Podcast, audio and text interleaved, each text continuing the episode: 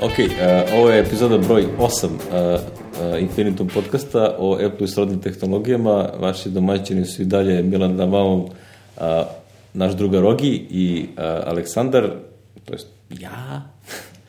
uh, pričamo, nastavljamo priču o, koja se zove onako strašno troubleshooting, ali sad ćemo pričamo o nekim stvarima koje su malo vidljivije ovaj, sa, sa korisničke strane. Uh, I dalje snimamo u crossover uh, trening centru. To ćemo još na kraju pon, ponovo da se zahvalimo. Uh, I ovaj, morat ćemo postavimo sličicu u, u kakvom konspirativnom, konspirativnom okruženju snimamo. Zuji svetlo, pa, da, zuji svetlo pa snimamo u mraku. pa smo u mraku. A, znači, gde smo stali, Miki, nastavi. Završili smo sa kreiranjem instalacionih particija na, i, ovaj, i na USB flash i sad sledeće što nam sledi, što ide je o aplikacijama i procesima. To sad zvuči malo malo, ovaj, ali to je u principu i najnezgodnije za, za troubleshooting, znaš, zato što su simptomi raznorazni, znaš. Mm -hmm. E sad, pre nego što krenemo, i najnovije nešto što se pojavilo, a može da utiče na, na, na, ovaj, na aplikacije, takozvani AppNap e, feature koji je iz Mavericksa, ako se ne varam, i naravno da ga ima i Yosemite-u, a, koji je recimo usko povezani sa onim komprimovanjem memorije i šta je znam sve što ima interno u, u ovome. Uglavnom, AppNap a, radi stvar kada, kada aplikacija nije ona, ono što se kaže front. Da, ne vidi se. Ne vidi se, nije glavna, nego su njeni prozori iza ili nije aktivna, nije trenutno, ono, korisnik se ne nalazi u njoj, ovaj, operativni sistem će njene tredove koji ne rade ništa ili operativnom sistemu izgleda da ne rade ništa, jeli, mm -hmm. ovaj, da stavi u takozvani AppNap mod, odnosno da ih uspava, da njihovu memoriju iskoristi, da komprimuje memoriju koju su oni koristili i da ostatak vrati aplikaciji na korišćenje i jednostavno šta god se dešavalo u tim threadovima ne može da, da, ovaj, da ne može da, da radi kako treba. Ja imam tu jedan primer iz mog posla, uh, ovaj 4D server, na primer, kome se ne isključi, ko, kome ostavi se po defaultu, jeli, AppNap da je uključen, ovaj, on razne procese, jeli, pokreće interno i ti procesi i sistemu, operativnom sistemu izgledaju kao da on ništa ne radi. Znači, mm -hmm. ljudi najčešće ga stave recimo u pozadinu ili greškom na nekom serveru, on stoji u pozadini ili redosled kojim su startovane aplikacije, neki drugi da on ostane, da se on startuje prvi, pa operativnom sistemu izgleda da, je on, da on ne radi ništa i onda klijenti koji se kače na njega počinju da gube konekciju u sred. Znači, izgub, zašto? Zato što operativni sistem krene da uspava taj thread, tu aplikaciju, i ona jednostavno ne odgovara, server ne odgovara na, na, na nekom portu tamo mrežnom i onda je ovaj rešenje, jedino koje rešenje, ima dva rešenja, jeli? AppNap može da se isključi na globalnom nivou ili na sistemskom nivou, da, da se uopšte ne radi, ima neka kobasica iz terminala to ne valja. to radi, ovaj, ili ima ono defaults write, kako se zove, pa nešto se upiše, ne znam detalje, ali znam da ima. I imate kad na aplikaciju ono daš inf, get info, jeli, da informaciju aplikaciji ima ima jedan onako checkbox gde piše prevent AppNap. Znači, uh -huh. ako sumnjate da aplikacija ne radi, nešto ne radi, recimo. Sad ja ne, ne mogu da pretpostavim šta ima, ali evo, iz prakse... Imaju system preference, Sist, na, uh, enable power nap, app nap. ima. Da. E, energy saver. Energy Saver, e, ima tamo, znači i to može. I ovaj, kako se zove, znači možete na nivou na aplikaciji, znači dobro je da to postoji, je tako, da ostavite isključeno, osim ako nije reč o nekom serveru gde znate da vam to smeta i da tom serveru nećete pristupati i gde vas boli uvo, da li je AppNap ili ne, vi želite u stvari da ta aplikacija što radi iskoristi maksimum ili procesora, rama i svega što ima, onda ćete na globalno da isključiš, jeli, AppNap, a u ovom slučaju 4D-a, pošto i 4D single user ima sličan problem, jeli, isti ti procesi se i u njemu, mm -hmm. jeli, desi se ista priča, ovaj, kako se zove, možete na nivou, jeli, aplikacije svake da, da definišete. Ali preporuka je definitivno da se- da se pogotovo na uh, da kažem, korisničkim mašinama to radi na nivou aplikacije, ne globalno. Na nivou aplikacije, Što da, da. AppNap je fantastičan feature, znači na, na mom Macu koji je, ne znam, iz 2011. i baterija je nešto na 600 ciklusa i 75% helta, a, od kad postoji AppNap, pa ja, pošto ja generalno radim samo Xcode u full, da kažem, preko celog prozora, onda kad je Xcode aktivan, on sakrije sve ostale aplikacije. I onda se ostale od, odu u AppNap, pogotovo gomila raznih Safari prozora koje otvorim. Da, da. Svi se zamrznu i sama ta stvar, ja mislim da mi donosi jedno sat kusur baterije ekstra. Upravo, da. Znači, to je sjajan feature, nema slučajno da ga isključujete, Ne, ne, nema smisla. onda ćete kažem- da se žalite da vam baterija ne radi dobro, slabo drži. jer odličan, odličan feature i treba ga koristiti, samo kažem, ako se desi nešto čudno sa aplikacijom, da ne znate, znači to je prvo što treba ovaj što treba pogledati. Mislim, novije je pa ako se nešto ranije nije dešavalo, a sad se dešava s nekom aplikacijom koju koristite godinama, naravno verzija za Yosemite ili ne, ovaj, onda ja bih prvo na to posumnjao, ja tek, pa tek onda išao na ostalo. E sad, šta može da se... Prvo, kod aplikacije procesa treba da znate e, da je, da je sistem, na primer, kako da kažem, sistem ovaj, Macov operativni sistem je gotovo potpuno 64-bitan sad. Znači, Da, sad nema ništa, mislim samo da je DVD player ostao, da je 32 i taj nikad neće da ovaj zašto bi gubili DVD? vreme? Da, da, zašto bi gubili vreme da ga ovaj da ga prepišu? Ali ovaj da bi videli eh, u kom modu radi koja aplikacija neka od third party eh, imate super aplikaciju. Znači vaš prijatelj je System Information aplikacija koja se ranije zvala kako se zvala System Uh, ne mogu se setiti. Znači, to su opet preimenovali u Mavericksu. Pre je bilo jedno, sad je System Information. Uglavnom, u System Information ulazite tako što na jabuku, about this Mac, i onda nekad je bilo ono more info na starijim mašinama, a sad, da, System Profiler, bravo. E, a danas se imate dugmence System Information, pa vam daje više, jer danas i sam About this Mac daje mnogo više informacija nego, nego ono ranije, ono je, ima mnogo.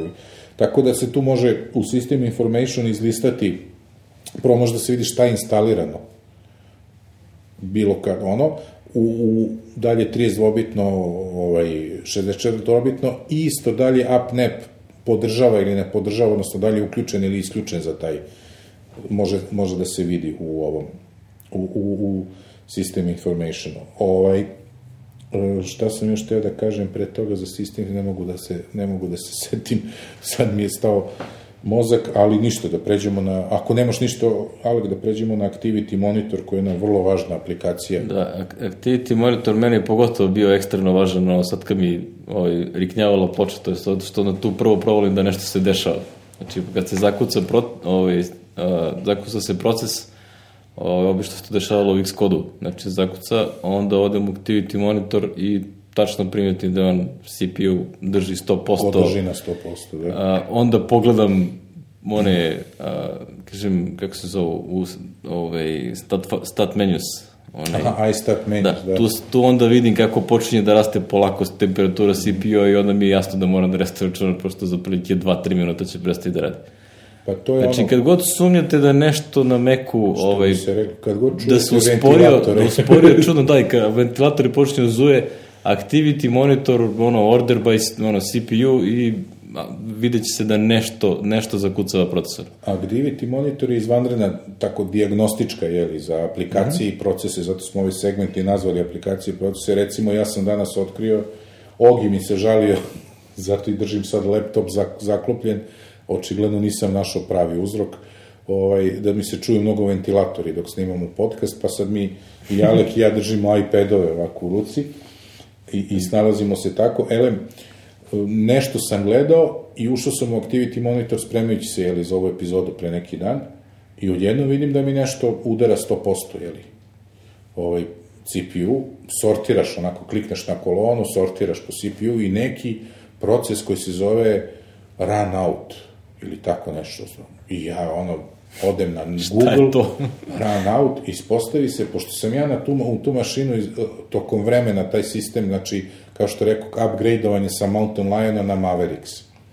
Znači, dve godine nije clean install rađen, e, ja sam kačio ove MTS-ove, e, grčki kosmote i tako razne ove mo, za mobilni internet, ove modeme. Uh -huh. Sam ubacivo u mašinu. E sad, ja mislim da je ovo od MTS-ov, neki stari Huawei, taj stik, on je stavio svoje drajvere, jeli?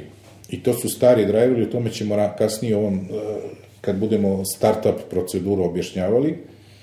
Znači, drajvere kernel ekstenzije u, u starom formatu je instalirao i jedna od njih, eto čak i kad nema modema tog USB stika ubačenog, drži procesor na 100%. Ja ono force quit i no, na kraju sam je našao i gde je i locirao, ali sam video na netu da je to to. Recimo, hmm. bez activity monitora, da imam samo terminal, morao bi da ulaziš u, u, u, u top, jeli, aplikaciju koja nije tako lepa, grafički i teže može da se nađe, jer Activity Monitor može lepo i hijerarhijski da ti stavi. Mm -hmm. Znaš, to što si ti pominjao Safari, imaš Safari kao aplikaciju i onda otvoriš onaj trouglić, on ti je onako malo uvučeno i iz lista sve te Safari piše ono web thread, web thread. Jel tako? Mm -hmm. Piše, tačno, to je svaki od, tab, od tabova koji si otvorio ima svoj ovaj, tabova ili prozora, vidiš, to nikad nisam se saznao za Safari. Pa nikad nisam gledao. Znači... Dalje, tab ili prozor, znaš.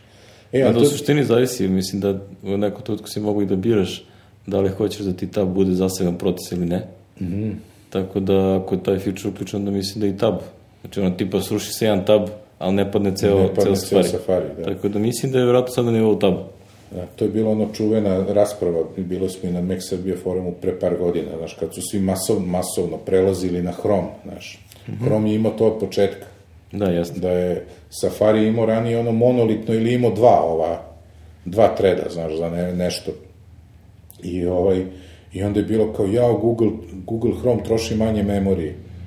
Znaš, i onda uotiš i sabereš memoriju koju, jeste on trošio manje, dobro, da budemo, da budemo iskreni, ali ne toliko manje koliko su ljudi misli, on vide, vide Google Chrome, samo onaj osnovni thread, znaš, glavni, a ne vide da on ima još 10 za svaki tab, da ima još koji, kao vidi ovaj 10 puta manje memorije troši nego Safari za iste sajtove, pa nije, dobro, to je u brauzerima večita, večita frka, znaš, tako da je ovaj, kažem, bilo je, ali to je to nerazumevanje, znaš, moraš, ne znam kako to ti objasnim, kad god nešto kritikuješ ili želiš da, moraš da imaš razumevanje, od, barem da imaš neku predstavu kako to radi. E, znaš, kao ono, sećaš se naš emis, epizodu u e-mailu kad smo imali. I sad, naš za čuvenog Pitera Koena, čiji ja podcaste ne slušam više zato što me iznervirao, ovaj, i pokušavao sam to da objasnim, koji ima problem, Apple treba da popravi mail, Apple treba da popravi mail, a on čovek koristi naloge na Gmailu ono što smo ti ja pričali. Znači, i sad, ti ako ne znaš detaljno šta je, naravno jeste, jer ako je njemu radilo pre toga, sad mu odjednom ne radi, naravno da je Apple kriv. Pa ne znači, znaš, da je Apple kriv. Razumeš? To je, to je ta fora. Tako i ovo, treba da se raspitaš za, da, da se informišeš precizno, koliko god možeš precizno da vidiš šta se tu dešava u sistemu da bi znao ko je krivac. Ne, ne zato da bi, ne znam, branio Apple i optužio Google i obrnuo, nego da razumeš da kad, eto, naletiš na taj run out, da znaš da to možeš, da možeš da obrišeš, da to nije, razumeš i zašto se on tu pojavljuje. Da je tu bio neki drugi thread na kome bi pisalo, ne znam, ima ono kernel thread, kako se zove, pa to ne diraj. Znaš, to ne diraj. To, to, to, to, to nemoj da dobiš. To nemoj da diraš, mislim, znaš, to je, Jer, znaš, ali moraš da razumeš šta je, šta je kernel, šta je firma, bar da imaš neku sliku, znaš, ako želiš da se da se baviš time, znaš, to je, o, ili da, da, ovaj, tako da je to, i ovaj, šta rekao je za activity, kod activity monitora smo stali, znači on može da vam govori isto i utrošak memorije. Ovi novi od Mavericks, čekaj, to Mavericks ili Yosemite uve ono za baterije? Ko troši više baterije? To je bilo pre, osam, pre Yosemite. Znači Mavericks, jer da, pre Mavericks. nije bilo, to je Mavericks. Mavericks, ono, glavni krivac za bateriju. Da, ko najviše troši bateriju. Sad, u tom trenutku. To takođe treba razumeti, znači to što nešto piše da mnogo troši bateriju, ne mora znači da je loše da je loše, aplikacija. Naravno, je. Znači, kod mene ubedljivo najviše troši bateriju avio simulator. da. Zato što pola radnog vremena proveden čudno. gledajući u njega. Ko čudno. Ali to, ono, prosto to je tako, znači, standardno tu glavni krivac su te, da kažem, heavy aplikacije, recimo, kod Ogi je sad verovatno da otvori, tamo bi pisalo da Logic Pro u Da, kome se trenutno ubija. snima, ono, saranjuje sve ostalo, da ne znam, Photoshop to bude, znači ta, takve aplikacije koje su prosto ovaj, same po sebi teške, ako ih koristiš u dužem periodu, ono će normalno biti na vrhu tog spiska. To je umelo da bude recimo ono... To, to je u stvari interesantno ako tu primetiš da ti nešto troši bateriju, a što je relativno mala stvar, znači neki mali utility, ko, znaš, ono, ako se ispostavi da je on mnogo ono, baterij zahtevano, to to je već sumnjiva stvar. sumnjivo da nešto nije u redu, da. Mislim, i one razumljive stvari, dobro, toga više nemamo, ali ranije je bilo, otišao sam u Safari i odem na taj sajt i odjednom mi rade ovi ventilatori. I onda u devet, sa verovatnoćom od 99,90% ima, Ima li neki flash. flash na tom sajtu? Ima. Pa, to je, to je bilo opšte poznato. Tako, to je, a to smo saznali upravo što smo ulazili u Activity Monitor. Isto, Activity Monitor je strašno zgodan što se tiče ove uh, potrošnje memorije ili nečeg. U stvari, odgovor na pitanje, ja sam stavio to za kraj, ali možemo sad i ovde da načnemo malo. Recimo, na pit, odgovor na pitanje da li treba da nadogradim RAM ili ne u mojoj mašini, uh, ćete dobiti ako par dana za redom onako u, u toku normalnog korišćenja računara, kako inače koristite Maca, odete u Activity Monitor i gledate u podatke o memoriji. On čak ima, Ogi, ja sam zaboravio kako istoriju da izvučeš.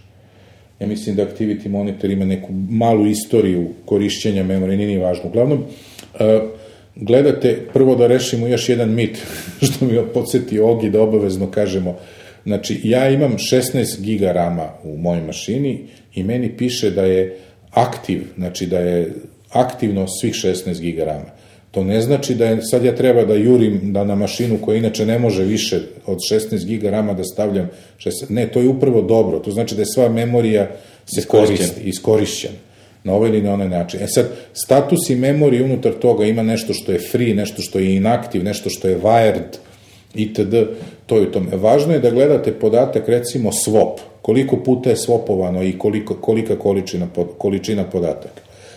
Kad se dešava swap, znači imate mašinu sa 4 giga rama, e, startujete mail, startujete Safari, startujete Office aplikaciju, neku Word, Excel, startujete još dve, tri neke sitne i krenete da se šetate iz jedno, otvorite jedno desetak tabova u Safari i krenete da se šetate sad između toga i ako udarate ovaj, ako čujete, ako gledate Activity Monitor, vidjet ćete da će malo da krene da svopuje, jeli? To znači da vam, ako to radite svakog dana i ako vam često usporava, da bi vama dobro došlo, jeli, 8 giga RAM, jeli, u tom slučaju. To je informacija vrlo važna. Znači, ne to dalje iskorišćena cela memorija, jer to je u principu dobro, jer onda onda imate više memorije nego što vam treba, trošite više baterije, je memorija što je veća, troši više struje, to ljudi zaborave, da ovaj, tako da o tome treba isto voditi računa, to je jedna priča. Ovaj, kod, kod izbora za RAM. E, drugo, recimo, šta se još desi, upravo ta efikasnost, kako da ti oslikam, onaj kernel task, jeli, u Activity monitoru, što smo pomenuli, on kod mene na 16 giga nikad nije manji od 1,2 giga. Nikad. Recimo, to sam primetio kad sam stavio 16 giga pre dve godine. A dotle je bio, recimo, 700, 800, znači skoro pola manje. Znači, sistem, ono što može, to vam govori iskori, da je to dobro. Znači, ne, ne treba ja sad da silujem, da smanjujem taj kernel task na manje, sistem je sam odredio da mu je to optimalno, da toliko resursa unapred ubaci u memoriju, da bi bilo, razumeš, da bi bilo brže, ovaj, jer ima 16 giga, ima dovoljno da, da uzme. E, to je ta iskorišćenost o kojoj, kojoj Ogi priča, pa smo mi, ovaj, kako se zove, rekli. To, to je vrlo, vrlo važno kod activity monitora. E, on može još, ne znam, temperaturu, te, hard disk iskorišćen, znači ima sve ovaj, u njemu što možete da, da vidite, ali ovo je najznačajnije, ovaj, koji je proces najviše radi, koji troši najviše baterije, koji troši najviše memorije i tako. Koji je zaglavljen, jer nekad kad otvoriš, ne znam, znaš, nekad ti se desi Safari ima ono beach ball i nije responsive, mm -hmm. jeli, i ti sad možeš kao da se šetaš između prozora, a u stvari krivac je možda samo jedan tab. Znaš, i kako ćeš ga naći, idi u Activity Monitor i vidjet ćeš tamo crveno, taj web thread not responsive, njega ubi i odjednom će, mislim, iz Activity Monitora, ono što se zove force quit ili quit može da se uradi isto, ovaj, kako ubiješ taj proces, ovi ostali krene Safari da radi. Što je jedna... To, to je super. Znaš, to je super što Safari ima te threadove i što je sad, znaš, odvojeno. Tako da, Ovaj, ne, nekad se deša, recimo meni, pošto, ovaj, da kažem, malo ti spomenuo top aha, iz terminala. da, iz terminala, pa to jedino koristim kada, recimo na Mac Mini, kada mi radi ovaj uh, Home Media Center software, ovaj, koristim Plex, pa ako Plex, se on nešto, neke verzije su bile baš bogovite, on se zbinguje, i onda mi ništa ne radi, znači mogu samo da restore računar, a znam da funkcioniše, ovaj, nego samo, pošto on je u full screen ne mogu da dođe do ničega drugog. I onda sa mog računara uradim uh, SSH na, na taj Mac mini, onda samo pogledam koji mu je ono, koji je njegov proces ID i onda ga ubijem iz terminala. Jer on, on generalno tad kad se zaglavio, on je zauzeo, na vrhu je top liste i onda tačno znam ko je, lako vidim koji je Da, njegov da, ID. da, on tako sortira po defaultu, da. Znači ono, SSH, otvori se terminal na tom računaru, kažem top, pogledam koji je na spisku uh, i ovaj, posle toga samo kill i ID procesa i odjednom sve proradi. Pa dobro, to je to su lepote Unixa. lepote Unixa. Pa to radi, to inače i Activity Monitor radi. Da. znaš, Isto to radi. Activity Monitor, samo što prosto kad ne možeš da dođeš do njega, onda mora sa neki, nekog drugog računara. Da, nekog drugog računara, pa. Ili, ili recimo imam VNC klijent na, na iPadu, ako nemam Mac, imam iPad ili iPhone, sa njega se nakačim Na mašinu, ovaj, na da. mašinu i onda pogledam. Ili imaš nekoliko mašina, kao ja. I iPod, što ja tako često... U... To što smo mi frikovi to sad. Da, to sad ne znam, što se vidi na onoj slici, što si malo se slikao, dobro da se vidi. Ovaj, to je Activity Monitor, on je, on je jedna vrlo lepa aplikacija, mislim, zgodna koja vam daje te informacije. To je najbolje da, da startujete Activity Monitor kad nema nikakvih problema, pa onda možete na miru da klikćete, gledate šta Da. tu radi. Evo, sad, sad gledam u sliku i zaboravio sam skroz. Imaš lep grafikon, imaš memory pressure i ako je sve zeleno, to znači da je u redu. Sve je cool. Znaš, sve je cool, eto, to je to. Ovaj, vrlo, vrlo je vrlo je moćna i ono, igrajte se malo s njim, ne možete ništa da pokvarite. ništa što jedan restart ne bi rešio, jeli?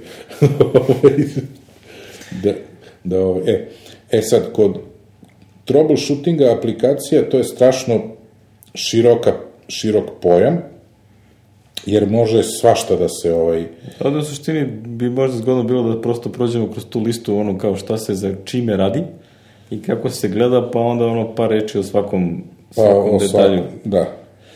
Znači, kao prvi savjet, jeli, je kao, restartujete aplikaciju, Pustite stvarno pa i bez po- zanja, zvuči glupo, ali to najčešće reši problem.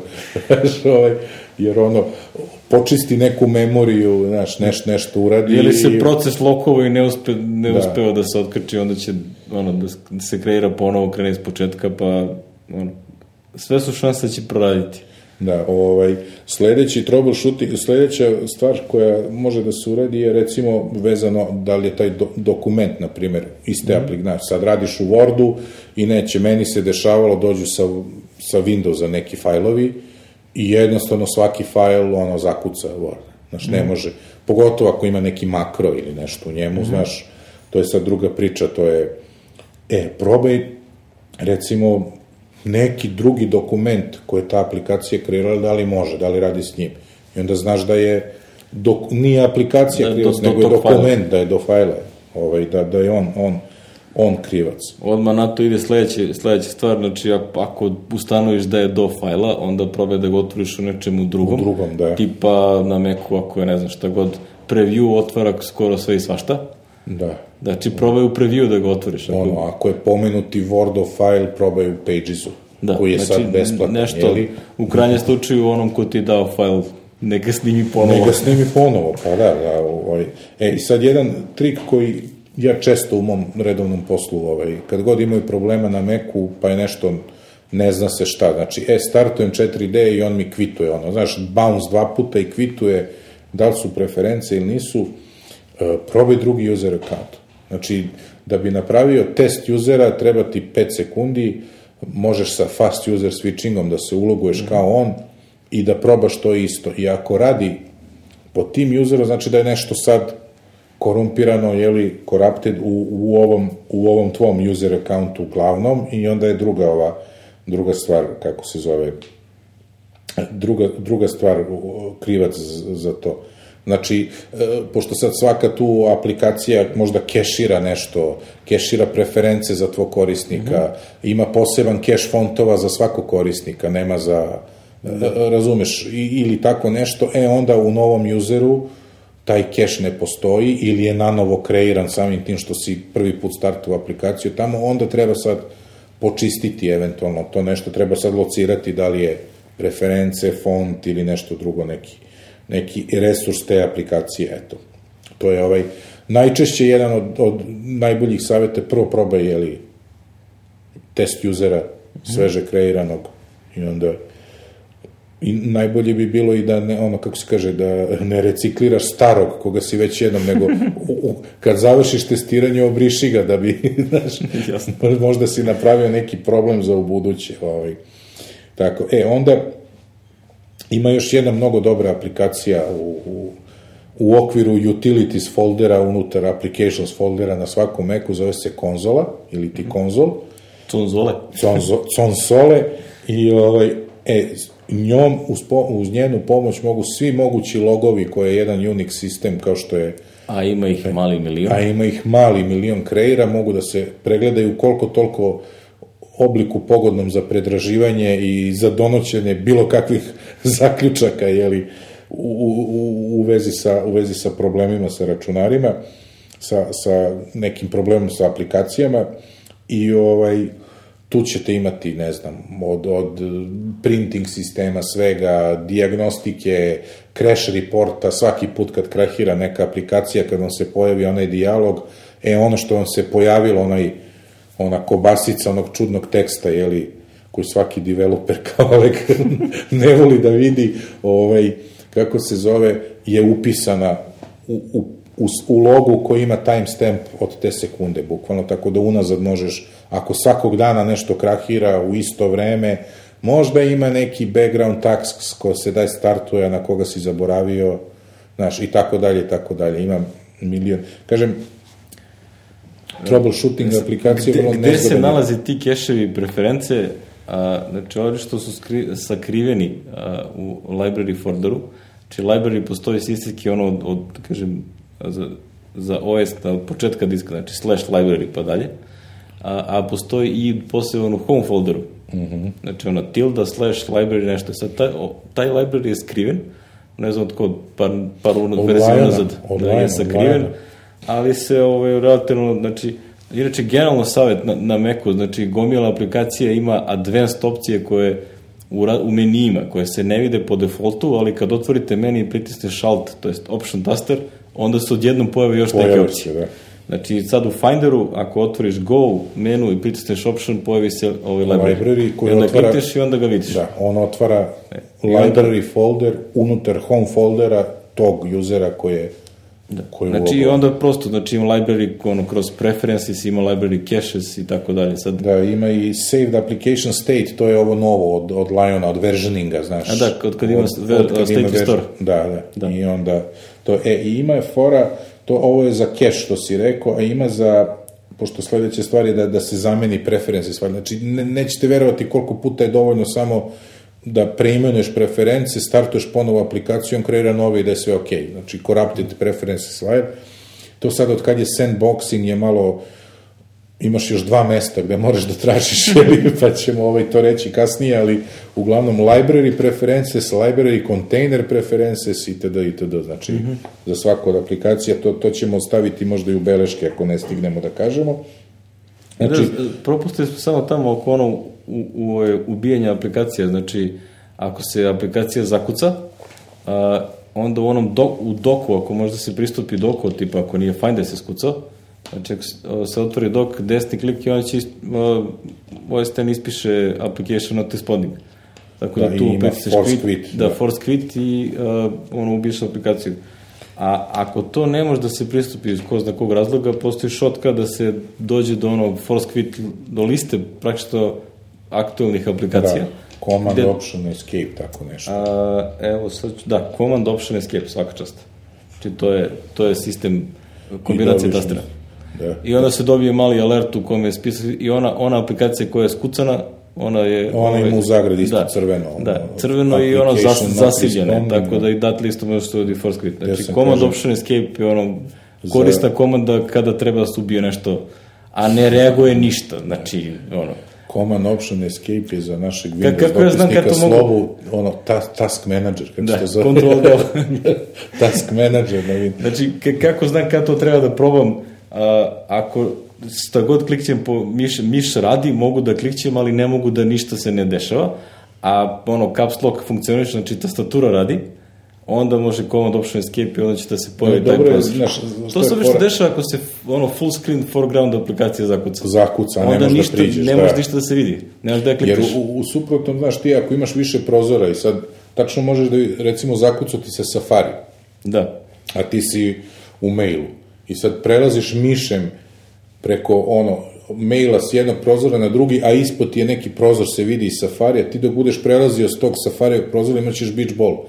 Da, znaš, tačno tačno se znaš da je on. Znaš. da je on e, a glavna je fora da kad se tako neka zaglavi, ako si u njoj, samo je bitno da možeš da priđeš nekoj drugoj aplikaciji, Jeste, da bi jeste. ti odglavila, recimo, ne, ako se zakuca Finder, ono malo čas si pomenuo, pa imaš startovanu neku aplikaciju, nekako na neki, a da se nije zakucao baš toliko da ne možeš da ko, sa command tab uđeš u drugu aplikaciju, onda će da ti odglavi Apple meni i onda možeš iz Apple menija force quit da, Jeste. da izabereš da, da ubiješ, da uradiš relaunch Findera, na primjer, ili tako, ili tako nešto. To je mali trikovi, jeli, koji tako znači, isto i activity monitor pomenuti da ponovim Da, ako takođe. možeš da ga Ako startuješ može se startuje, super. Znaš, ovaj, to je, ne znam, možda ga startuješ, zakucao se Finder, ali ti je terminal ostao rastartovan. Razumeš? Divno. Nema ništa Znači, lepše. inače, ono, u spomenuo se već top, ali a, isto super komanda koja je dostupna generalno na Macu, to je PS, to je proces list. proces, proces, e, proces state, PS iz liste, valjda, da, proces, ne. proces, vjerojatno je proces. I sad, PS, razmak crtica veliko A, da listu svih procesa ovaj, Mm. aktivnih. Znači, e, onako baš lepo izgleda. Tražite u toj listi PID, to je proces ID, i onda nakon toga kad nađeš koji je broj, kažeš kill, Kill taj broj, kill taj broj i to je to. Ako da treba sudo kill taj broj. da, on će da ga ubije, ali ovaj activity monitor klikneš na, u listi i ima dugmence gore. Ima, ima čak posebno dugme, jedno je quit, da mu pošalje normalan signal za quit, Da. to prvo probaš, pa ako ne uspe, onda imaš drugo dugmence za force quit, da, ga, Quit. ili ti da ga... Quit verovatno radi kill. kill. ne, nego ga pita, ne znam, izvini, da li bi ti bio ljubazan? Da li bi se samo ubio? Sada da se samo ubiješ, da. Ove, Eto nama naslov za epizodu. Izvini, Aha. da li bi se samo ubio? da li bi se da li bi bio ljubazan da se samo ubiješ, da. E, sad, znači, koliko puta e, kaže, kažemo da je preferences file neke aplikacije krivac za to. Znači, možeš da ga preimenuješ, startuješ ponovo aplikaciju, on kreira novu, međutim, tu ima jedna fora ovaj, koju sam ja sebi zapisao ovde da nikako ne zaboravim, ovaj, e, pošto se i preference keširaju u memoriji. Znaš, znači ti ako si imao startovanu aplikaciju, pa si kvitovo, to ne znači da je ovaj da je preference su i dalje možda keširane. Razumeš? A, Proces koji to radi se, se zove CF pre SFD. Ono malo kripto, ali stavit ćemo sif- Uglavnom CF pre SFD, što će reći, ako želiš da probaš sa time, kvituje aplikaciju, preimenuj preference ili ubi, ili obriši stare preference od aplikacije, i pre nego što startuješ ponovo aplikaciju, idi i ubi ovaj CF Press SD. Šta će, kad ubiješ u Activity monitoru taj proces, keševi će da se pobrišu, razumiješ, on će da se restartuje sa praznom memorijom, tako da tih preferenciji koje su sumnjaš da su bile corrupted, više nema ni u memoriji i tek onda startuje aplikaciju da bi kreirala nove. Znaš, to je jedna fora na koju zaboravljamo u posle. Ne znam od kad je uvedeno ta keširanje preferenciji, ali mislim da je to čak isto od Leoparda, ali ne uzimaju me za reč, ali ne treba zaboraviti na to. Znaš, jer neko, kao to uradiš, kako čoveče opet, znaš, misliš da si uradio mi, mi starci sa OS, pošto je to još i na, na sistemu 7 bilo, znaš, staviš preferencije, izvučeš na desktop, ono, Photoshop puca kod sta, startovanja, znaš. Pukne, samo što je pucanje na, na klasiku bilo, dobiješ bombu i moraš da se restartuješ. Nema, nema protected memorija, nema, znaš, znači, jedini spas je restart. Znaš, i onda ovaj, ali bukvalno bombu, ono, znaš, dobiješ, ne znam da li si vidio nekad i alert sa bombom gde gori fitilj kao fukusa. Znaš, ono, što bi mi rekli, ovaj, nije ni čak ni kernel panic tako dramatičan kao to, znaš. I ovaj, kako se zove, e onda si, najčešće je bilo to corrupted preferencije.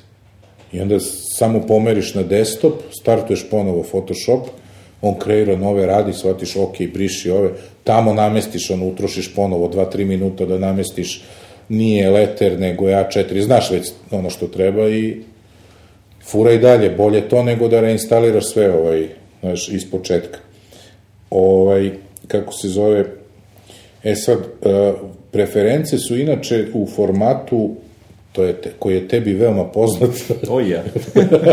Jeli, u plist. P-list formatu. Znači, P-list otvara Xcode, a ovaj, mislim da ima neki defaultni viewer. Na... Ima viewer. E, e, znaš šta je, naš problem je što je P-list je u suštini XML, ali koji može da bude i binarni. Znaš, Da, e, i onda binarni- binarni... Znaš kako je najlepše za one koji nemaju Xcode? Iako nemaš X, quick look, ne znaš za to? Da, da. Iako je binarni na P-list file space i on ti ga lepo onako vidiš XML. Da vidiš šta se dešava. Pa sad, da li ćeš nešto pametno videti u, u celo toj listi, to je ili ne, diskutabilno, je ali drugo, da. Zavisi od same aplikacije, ali može da se, tu koga zanima ono, kako se čuvaju ti, te stvari. A, P-list je ono stan, standardni, pogotovo za settings, znači to je, se svuda koristi. A rekli smo gde se nalaze, čekaj samo da ponovimo, znači od sandboxinga, od kad je Apple uveo sandboxing, aplikacije koje su pisane da to podržavaju, svoje preference drže u library container, znači vaš home To su folder. praktično sve aplikacije koje ste kupili sa App Store. Znaš. Znači, to je ono, ja sam imao problem, potpuno sam zaboravio na to jednom i ne znam kod koga sam pokušavao da nađem problem zašto mail neće ne znam šta.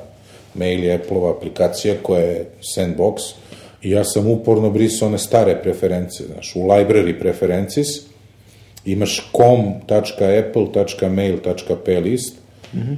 koji ono ne reaguje ništa, ništa se ne dešava. Zašto? Zato što su pre- preference prebačene u library, containers, A taj file, taj file ti je ostao od nekog starog od instalacije. nekog stare, da, da. Tako da ovaj, o tome treba voditi računa, zato sad je malo komplikovanije. Ja, to sad i mene, ovaj, ne znam da je ovo zgodan moment da se spomenuo ja Zap i ta, ti slični programčići. Pa možeš, ali... Ovaj, generalno na Macu brišete aplikaciju tako što prosto obrišete onaj app file.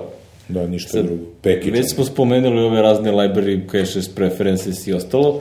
Znači, nije sve unutar tog app, uh, kažem, touch app, to je u stvari folder sa drug, specifičnim prikazom, uh, već se ti failovi nalazi koje kude i onda uh, postoje razni jednostavni utility koji uh, umeju da pokupe sve te lokacije i onda kada recimo baš hoćeš da potpuno obrišeš neku aplikaciju, onda ima, ne znam, AppZap, AppZapper ili tako se neko Ima zove. Ima ih dosta, dosta tih utilitija koji ti onda s- da ti prosto da vidiš spisak svih failova koji su vezani za određenu aplikaciju onda ako hoćeš možeš sve da ih obrišeš. Pa ja to u principu ne koristim. Ja, ja sam to ranije radio, jel, navika iz da Windows, strah od da. DLL, DLL hela iz Windowsa je duboko ukorenjen kod mene. A, ovaj, tako da to sam ranije redovno radio, a sad u principu vidim da je to besmisleno, zato što čak i kad ne znam hoću da sklonim neku aplikaciju, a ako ostaje njene preferencije i posle instaliram ponovo, odjednom mi se sve vratilo, sve je tu. Znaš, to je, mislim, to je, meni je to besmisleno, jer ne dobiješ mnogo. U To su- principu, time mali što su fajlovi. da, mali su, time što si ibrisko aplikaciju, više niko ne koristi to. Znaš, Ne, niti se startuje, niti se startuje, niti ti smeta, a to govorimo o uvrh glave 2-3 megabajta možda. Možda, Možda, znaš, pa ne, preferences- najčešće je to preferences najmanje. file je nešto tipa Pa mislim, 20 cache fajlova i to, znaš, zavisi, znaš, šta cache, jer dobro, Safari ima cache koliko si mu dozvolio, to je sad Mhm. druga priča, znaš, ali ovaj nećeš brisati Safari. Ali eto, ko Da, voli da znaš, sve ko voli pobije, da pobije, to je, može. ima utility koji to radi. Znaš, gde je tu dobro, ovaj, eh, tragičan. Prvo, jedan savet ovako možda nema veze ili ima direktne veze.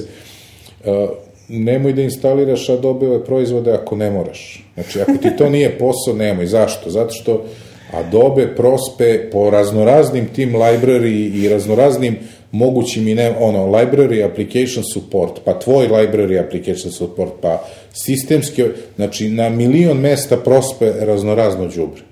Sve i svašta. Znači, sve i svašta. I šta hoću da kažem, jer ja sam imao situacija gde su ljudi pošto pa hoću Photoshop, Photo- Photoshop, zašto? Zato što jedino u Photoshopu ume da ono smanji rezoluciju slike, mislim, znaš. I onda ti staviš aplikaciju prvu koja košta, mora oćeo da mu krekuješ, što je rekao ne dolazi u obzir. Mislim, Krekuj sam. kreće, debre, pa nije, krekuj sam, ako hoćeš da krekuj, neću ti ja, posle mi nešto, znaš, praviš problem.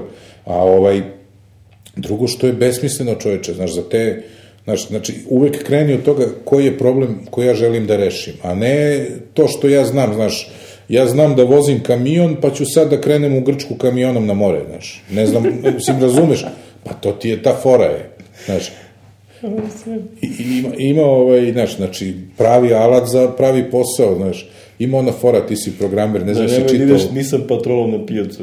da, jesi čitao ono, onog eh, Steve'a McConnella, onaj Code Complete? Si- Nisam, E, daću ti, to je super. Imam prvo izdanje, posle je napisao drugo. E, i on ima, baš u tom delu, to je fenomenalna knjiga, nije nam tema programiranja, ali ajde gde ovaj čovek nevezano od jezika koji koristiš i alata ti govori šta treba raditi, šta ne treba raditi, znaš, tako neke koristeći ove, ove tehnike ili one tehnike kako da simuliraš i šta ja znam, i ima slika, jedno od pravila je li koristi pravi alat za pravi posao. I onda ima slika komarac na zidu, a čovek ovako uzeo haubicu i, i hoće da potpali, znaš, top da ubije komarca topovskim đuletom, jeli, za, no, što će naravno da rezultira u strušenoj kući, ali Boleći. ubio je i komarca, ali je ujedno i srušio kuću, ali nema veze. E tako i ovde, znači ne treba to koristiti, zašto? Ali recimo, ako si već instalirao, onda recimo koristi app Zapper, jer će on sigurno bolje znati gde šta od ovde Da. stavio, nego ti što ćeš ikad moći da nađeš, verujte mi, Mislim, na, na, zavuče... na, stranu, a, izvini, na, na stranu to ovaj, Adobe ima i deinstaller. Pa ima, ima, Znači, ali- ako si, ako hoćeš da, da instaliraš neki program, hoćeš da iskineš, kao nemoj da ideš ručno da brišeš, to je, o, jer... Ako već ima deinstaller, da, da, u samoj da. instalaciji on ima uninstaller, tako da koristi njega, on će bolje znati gde je šta upisao. I Pa to ja mislim, jedini software koji ja znam da ima uninstaller. A ako vidiš da ima uninstaller, odmah pomisli da li to meni stvarno treba. Jer ovaj, ne, stvarno dobio i proizvod usko specifični. Znači, nema razloga običan čovjek Photoshop da koristi. To možemo nekom drugom prilikom da, da, da kažemo šta sve, šta sve može preview da uradi koga si ti pomenuo. Znaš, od, od editovanja ovoga, od, od eh, anotacije slika da pokažeš čoveku, e, klikni ovde čoveče, a ne, znaš, i tako dalje, i tako Jeste, dalje. Znaš, ima do, do, do raznih tvari. E, ovaj, nismo se osvrnuli na application resources troubleshooting. Šta su resursi aplikacija? Pa to su pluginovi, fontovi koje ona koristi. Fontovi su uglavnom sistemski, ali recimo Microsoft Office, kad ga instaliraš prilikom prvog startovanja, on instalira svoje fontove u sistem, do duše, ali svoje, tako da ako postoji neko sudaranje, jednom je bio neki bug sa Timesom, ja se ne sećam tačno u kojoj verziji Office-a. Office recimo 2004 na Panteru ili negde se Timesovi su se sudarali i onda nije bilo, znaš, onda je bilo kao e, imaš Times iz Office-a, a nemaš Times odavde, pa je bio neki problem. Znaš, to to, to toga je se sećam. ono kao toga se sećam da je, znaš, de- desi se nešto. Kod ekstenzije ili pluginova glavna je fora da moraš da shvatiš da, da eto, tu ide to razumevanje. Ja, ne, znaš, neko bi pljuvo meka što mu recimo ne radi nešto u Photoshopu. A on je, na primjer, ostavio, pošto je sada, jeli, macOS kompletno 64-bitan, i ja verujem da je Photoshop 64-bitan, Jeste, jeste. Znaš, i, a ti imaš neki stari plugin koga si stavio i ne radi ti plugin, ne vidi se. Pa ne vidi se zato što je plugin 32-bitan i on ne može da radi. Jeste. Razumeš, on ne može da radi. Znači, u slučaju aplikacija ti moraš tu aplikaciju da startuješ u 32-bitnom modu da bi koristio taj plugin, što je srećom izvodljivo na Macu, isto tamo gde imaš ono za AppNap, jeli, u GetInfo, imaš i, i isto tako checkboxić pokreni me kao 32-bitnu aplikaciju, upravo zbog takvih To, slučajeva. to je ono kao ovaj, spas za, na prvu ruku, ali ono generalno preporuka je Nabavi novu verziju plugina. da, ili ga prosto prestaje da koristiš, pošto to, čim tako kreneš 6432, tu nešto će da, u nekom trenutku će garant da se, da se tu, ja zbinguje. imam, tu ja imam na mom poslu problema, znaš koliko, zato što ljudi ne razumevaju ne razumeju gde se šta izvršava, znaš, to je sad posebna priča. Sad ne znam da li ima analogija neka ovde, ali, na primer, mi imamo 64-bitni server na, na Windowsu, a svi klijenti, 4, 4D server, pričamo o njemu, je 64-bitan. Svi klijenti su 32-bitni. I sada čovek stavi pluginove na server, ili plugins. E, Razumeš? I plugin, pošto je 32-bitan, će da radi na klijentima, on ga iskopira na klijent i on se izvršava na klijentu, on se nalazi, pošto se kod 4D servera baza se nalazi na serveru sa svim pluginovima, jel? Mm -hmm. Međutim, on sad hoće nešto, komandu plugina da izvrši na samom serveru i dobija grešku i kao jao, u čemu je problem? Pa moraš da imaš 64-bitnu verziju plugina na serveru, E, razumeš za to.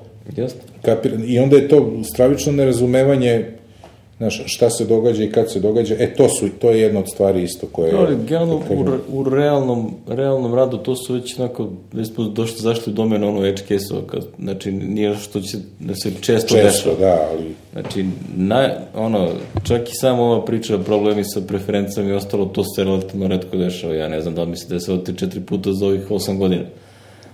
Tako, da, da, tako znači to, to, je, to je relativno redka stvar, nego, ali kada se desi, onda je, ono, treba znati ovaj spisak, spisak kojim redom, stvari kojim redom se ide, ideš, pa da, šta, da, šta se radi. Tu, tu je sad nešto od ranije, nešto nema, to je sve ono u logičnom domenu. Isto to kod preference nisu, ali kod ovih resursa aplikacija, to, to sad, to nisu ni resursi aplikacije, to su resursi operativnog sistema, znaš, tu isto ima jedna lep grafikon u ovoj knjizi što sam ti dao da se spremiš za ovaj lepa sličica To je ono što sam tweetovao, referentna knjiga od da, hiljadu da, strana. da, ovaj, referentna knjiga koju, koju predajem. Samo da tako, vidite počet- kako se mi prepremamo za ove Preprema, epizode. Da, ovaj, e, e, ima redosled, u stvari, kako, kojim e, macOS X traži resurse. Znaš, na primer, to sudaranje fontovima, recimo. Ja mislim da je to čak i bio primer u, u tom smislu. Nije, zašto? Evo ako, ti kad instaliraš fontove, ti imaš onu font book aplikaciju, to znaš, kad hoćeš, i sad hoćeš da instaliraš fontove, ti možeš da ih instaliraš na, recimo, četiri mesta, tri mesta.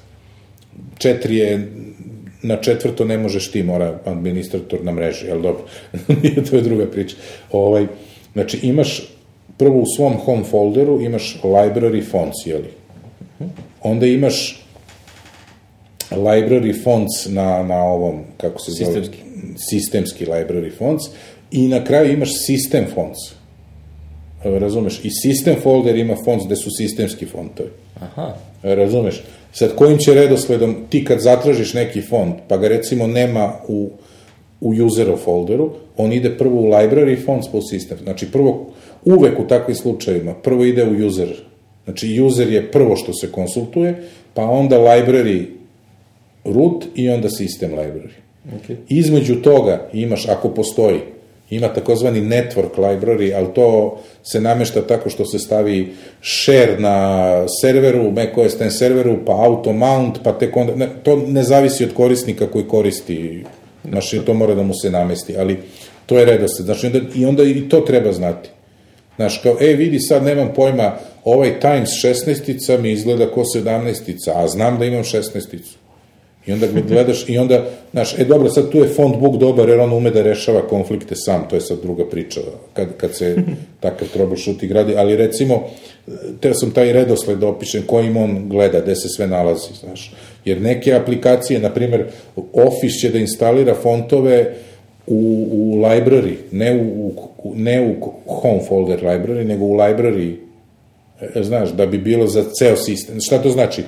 Ti sad instaliraš neki font, ako ga staviš u userov library fonts, samo će on da ga vidi. Da, samo ako ga staviš u sistemski library fonts, svi useri koji ikad budeš imao na tom računu će moći da ga vide. To, to je značajno za, za ljude koji, recimo, ono, tipa, muž i žena dele isti laptop. Pa, da, jeba. Ovaj, to onda značajna stvar. Znači, van toga, ako ste single user na mašini, stavlje preporuka, sve ide u, u home folder, Pa dobro, da imam neku preporuku koju nisam rekao na početku sigurnosnu, ali ajde, sad ću mogu da kažem da ne znam da li ćemo se vraćati na, na usere i privilegije. On, ono što ja radim, znaš, da ne znam da li ti to radiš, ali znam recimo Milke da radi naš potencijalni gost. Ja ovaj, uvek imam osim što delim particiju, jeli, particiju, uvek kreiram usera, recimo, koji se zove Miki Admin, i na njemu instaliram sve softvere, sve što treba, i onda kreiram usera ili kopiram home folder, ili mi je home folder već na, na, na drugoj partici, kreiram usera Madamov, kome usmerim home, fo- ko je standardni user, nije admin user, kome usmerim home folder na drugu particiju, podesim privilegije, i onda se uvek logujem i uvek, nikad se ne logujem kao Miki admin. Znači, osim ako ne moram iz nekog razloga, nikad se ne logujem kao Miki admin. Uvek radim kao standard user.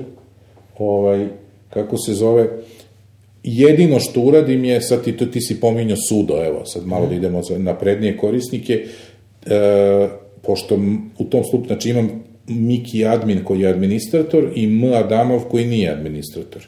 A želim recimo iz terminala da izvršim sudo, da napravim onaj USB ključ.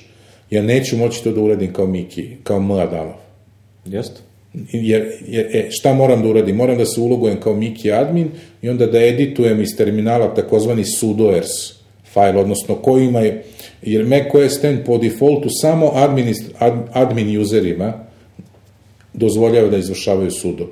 Ne dozvo, to je vrsta sigurnosti i svega, naravno. I onda ja sam sebe ubacim u sudo kao moja damove, to je jedino što, što uradim i malo, malo smanjim bezbednost, jeli, koju imam, da, da, da se ne bi sad logovo svičovo stalno između Miki i admin, zbog toga kad moram sudo da uradim. Inače, sve ostalo radim kao standard user, što će reći ne mrzi me kad god instaliram neku aplikaciju da ukucam i username i password. Miki admin nešto. Miki. Znači, e, utrošak vremena je minimalan za sigurnost koju mi donosi. Znači, išao bi čak dotle da, da, da kažem, pošto često koristim ove virtualne mašine, da je slično sad i na Windowsu, znaš. Ko na Windowsu 7 se tako ponaša, ima mnogo manju verovatnoću da mu se bilo šta desi, razumeš, od on, za razliku od XP-a koji je bušan bio ko, znaš, ko. Tako da ovaj, to je ovaj, to je isto važno reći što se, što se mene tiče za to, zaboravio se sam, tiče- izvini, na digresiji, ovaj, na, na vraćanju. na- Application, znači troubleshooting, ne znam da li je ostalo još nešto. Mislim da je to to. Ovo, To je to, nema Mislim šta. da ako je nešto ostalo, to su jako obskurne stvari koje prosto... Mislim, je, mi vas molimo, dajte nam ovaj, follow-upa što više za ovo, jer ovaj, koliko god je ovo bišlo u dve epizode, ja verujem da ćemo mi za godinu dana moći da ponovimo nešto, nešto smo propustili, nešto ne ide i tako, ili za kraće vreme podsjetite nas šta smo zaboravili. Tako, e, Sledeći podtopik je ovaj, network troubleshooting, to je stvarno problemi sa, da. sa mrežom. Znači, to je postalo vrlo aktuelno od Yosemite-a, da postoji prosto gomila reporta a, o Wi-Fi problemima u Yosemite-u, koji su, a, znači, u Yosemite-u su dosta stvari se, što se tiče mrežnog ponašanja, promenilo zato što a, iOS 8 i Yosemite sad imaju feature koji se zove Continuity, ne možeš da pošteš na jednom uređaju nešto da radiš i ono, transparentno nastaviš na drugom. Da bi sve to podržao, Apple je praktično zamenio centralni daemon, to je proces koji je radio razne stvari. Mislim da se ovaj novi zove Discovery Day, ili tako? da, trebalo. Disk, Discovery D i taj, znači to je išlo toliko da se ja nalazio, znači na Ars Technici ili ne znam gde je bio tekst gde čovjek ono prilike opisuje kako da ubiješ Discovery D i da vratiš ono, Network Demon iz Mavericks. Aha, da vratiš ovaj... Da, i onda kao Znam, više da. nema Wi-Fi problema, sve radi, sve je super. A, to, kao što mislim da smo to već spomenuli jednom, a, to nikako ne preporučujemo da se radi. Znači, postoji razlog zašto je Apple pisao novi. Bagovi postoje, a, Ispeglaće se. ispeglaće se. Ja lično nisam imao problem ni jednom, ni sa jednim uređajem, ni sa osmicom, ni sa Yosemite na, na dva Meka i na Mac miniju. Znači, nigde nisam primetio problem. Sad, u kojim se to kombinacijama, možda na novim mekovima je nešto drugačije, šta ja znam, možda nešto kod ovog os- 11C, AC ili nešto. Znači, negde, negde u nekoj kombinaciji, pošto stvarno ima mnogo reporta ljudi koji se žele na to, a, i a, naišao sam juče prekače kad sam našao na lik na sixcolors.com Aha. je Dan Moren, to je, a, kažem, Six Colors je sajt od bivšeg urednika Macworlda Jasona. Jasona Snella i on, kod njega njegov drugar Dan Moren piše ovaj, redovno. A, znači, krajnje je jednostavno rešenje otišao i promenio Wi-Fi channel. Znači, ono, Aha. prosto je promenio kanal na kome radi da, da, kanal. i a, odjednom problema više nema. Znači, ja sam jednom davno, kada sam prvi put kupio Airport Extreme iz Amerike, je došao kod mene, iz nekog razloga, znači, taj, to je, ono, e, rad na dva- 2.4 nije hteo da radi uopšte. Ne znam zašto, na 5 GHz je radilo, na 2.4 neće. I onda sam ono u krajnjem očiju ono počeo da nabadam po onim channelima i odjednom bio je, ne znam, na 6, ja ga promenio na 14 ili nešto lupio i odjednom sve radi. Tako da moguće da zavisi gde je kupljen uređaj, da, da nekih tih problema postoje, a, a ono što je interesantno je što bio je follow-up post su, a, su oni pustili, gde u samom, a, samom Macu postoji a, da kažem, utility koji pomaže, sam Mac predlaže koji je najbolji kanal za dato okruženje. Znači, samo OS10 ima, ima podršku za to. Stavit ćemo svakako link na, na, na, na kratak je post sa ono, screenshotom, tako da e, to je prva stvar kako neko ima problema, instaliraju se mi ti ima problema sa Wi-Fi-em, čisto preporuka. Ma, kad god imaš problem sa Wi-Fi, menjaj kanale, znaš, probaj. Pa ne, zato što imaš interferencije, znaš, imaš... danas, i ja se izvinjam, danas ovaj, evo ovde gde se mi nalazimo, mi sad kad bi otvorio da tražiš neki Wi-Fi, imao bi bar 20. Da. Bilo gde u centru grada, znaš, svi oni rade na nekom channelu, na nekoj frekvenciji i postoji verovatnoća, ma koliko standardi predviđali da se ne sudaraju, da jednostavno smetaju jedne drugim, drugo, mobilni telefoni, ti ja se- znači, vrlo je prosto čisto da navedem, pošto ja sad baš čitam taj, taj upustvo, znači, klikte se, a, držiš option taster, znači opet ist, isto na preporuka Wi-Fi, koji ranije, da, da. znači option taster na Wi-Fi a, i Open Wireless Diagnostics i onda kad se, ovaj, se iskuca a, u window meniju se izabere scan. Znači da skenira Da šta ima skenira. naokolo i da ono, a, u jednom od njih će navesti best 2.4 GHz i best 5, G- 5 GHz. To su ispeglali još iz Mavericksa, taj wireless diagnostik i, i ceo taj meni za Wi-Fi, kad pritisneš option, vidiš to što u njemu, što se ranije Da. nije videlo, znaš. Znači, vidi se ono To kvalitet signala, Isto kao, sa, kao ono sve što ti iStat menus koji si ti pominjao, govori, sad imaš tako. Znači, kogod voli te, ono, da gleda te stvari, ono, kao option taster i ono, do, dobar saradnik u istraživanju po OS-10. E sad, ovo što ti pričaš, to su ti takozvani, kako sad to reći, šta je, znaš, jer ove mrežne probleme, kad radiš, možeš da podeliš na tri stvari, znaš, na tri dela. Jedni su takozvani lokalni problemi, koji, recimo, loše si konfigurisao, na primjer. Mm -hmm. Znaš, ono, stavio si, ono, ručno treba da staviš adresu, pa si omanuo nešto u adresi rutera, znaš, ne, nešto, jednostavno nema puta, jeli, od, od lokalnog, drugi su mrežni problemi i treći su takozvani problemi sa servisima pojedinim. Znaš, e sad ovo što si ti govorio spada u mrežne probleme, ovaj, a ne u loše podešanje, jer desi se Znaš, kod Wi-Fi-a ima baš u ovoj knjizi što si rekao, imaju kao, proveri ovo, proveri ono, fizički ove veze. E sad kao, uh, ono što smo nekad govorili korisnicima, kao pro, da prvo provere kabel, sad se polako pretvara, proveri Wi-Fi prvo, znaš, vidi da li imaš sve. E sad, provera Wi-Fi, to je malo nezgodno. Međutim, kako se kaže, prvo što treba da radiš je ovaj, da bi da ustanoviš da li imaš lokalni problem ili ne, ako imaš problem na mreži. Nešto, znači, ne znam, situacija, hoćeš da ideš na neki sajt, neće.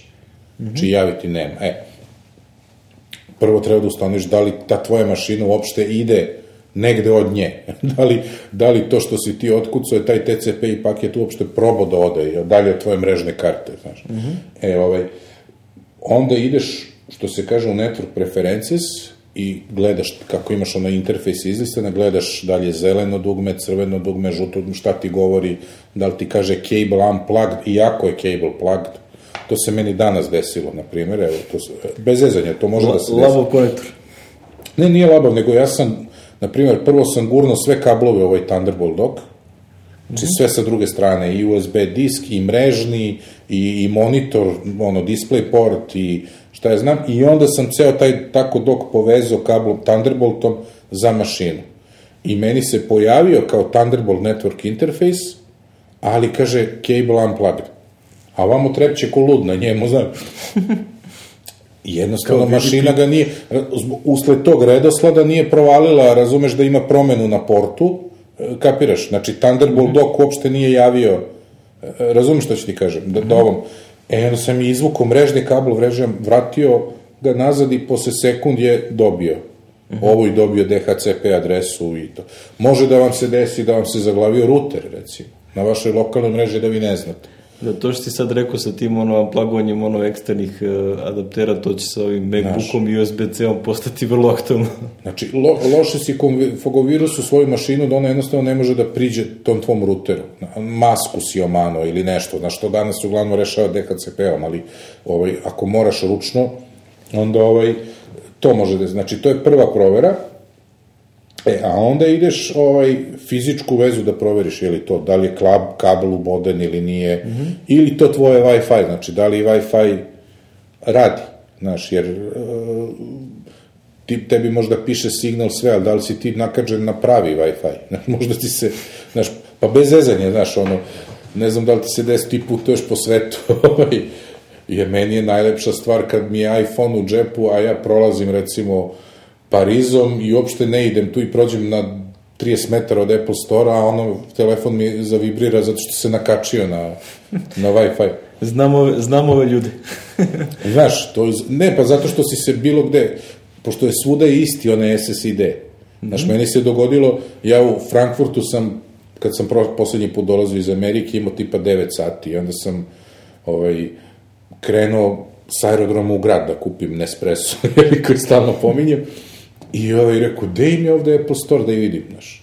To je bilo kad je bio ono iPhone 5S se pojavio, pa kao da vidim da li, su, da li ima otključen, znaš. I ja prilazim tamo otprilike našo ja na iGo, gde je to, i idem peške i prilazim i kako sam prišao na manje od 50 metara, meni telefon ono, poče da mi javlja, stižu mailovi, znaš, i tako, zato što se, nikad nisam bio u Frankfurtu, nikad nisam bio s tim telefonom. Ej, tu ti je taj continuity, iCloud chain i sve to što su radile mnogo dobro, evo sad ću ti drugi primer, mala digresija. Sad sam bio ovo na poholju, recimo, znači, ja sam iPad Air 2 kupio u novembru, on nikad nije bio na pohorju do sada. Uh, iPhone 6 sam dobio 5 dana pre nego što ću da odem na pohorje na skijenje. I ostavio sam klinca da se skija, mrzelo me da se ja tu bakćem, seo sam na gondolu i sišao dole u grad. Ako ne znate, e, cilj trke u Mariboru je najniži cilj u, u svetskom kupu, bilo gde na 300 metara nadmorske visine i bukvalno siđeš gondolom dole i cilj je, imaš gradski bus da ideš u grad. E, dole ima jedna poslastičanica koju ja mnogo volim, ja sam otišao do nje i u njoj sam bio poslednji put u septembru prošle godine.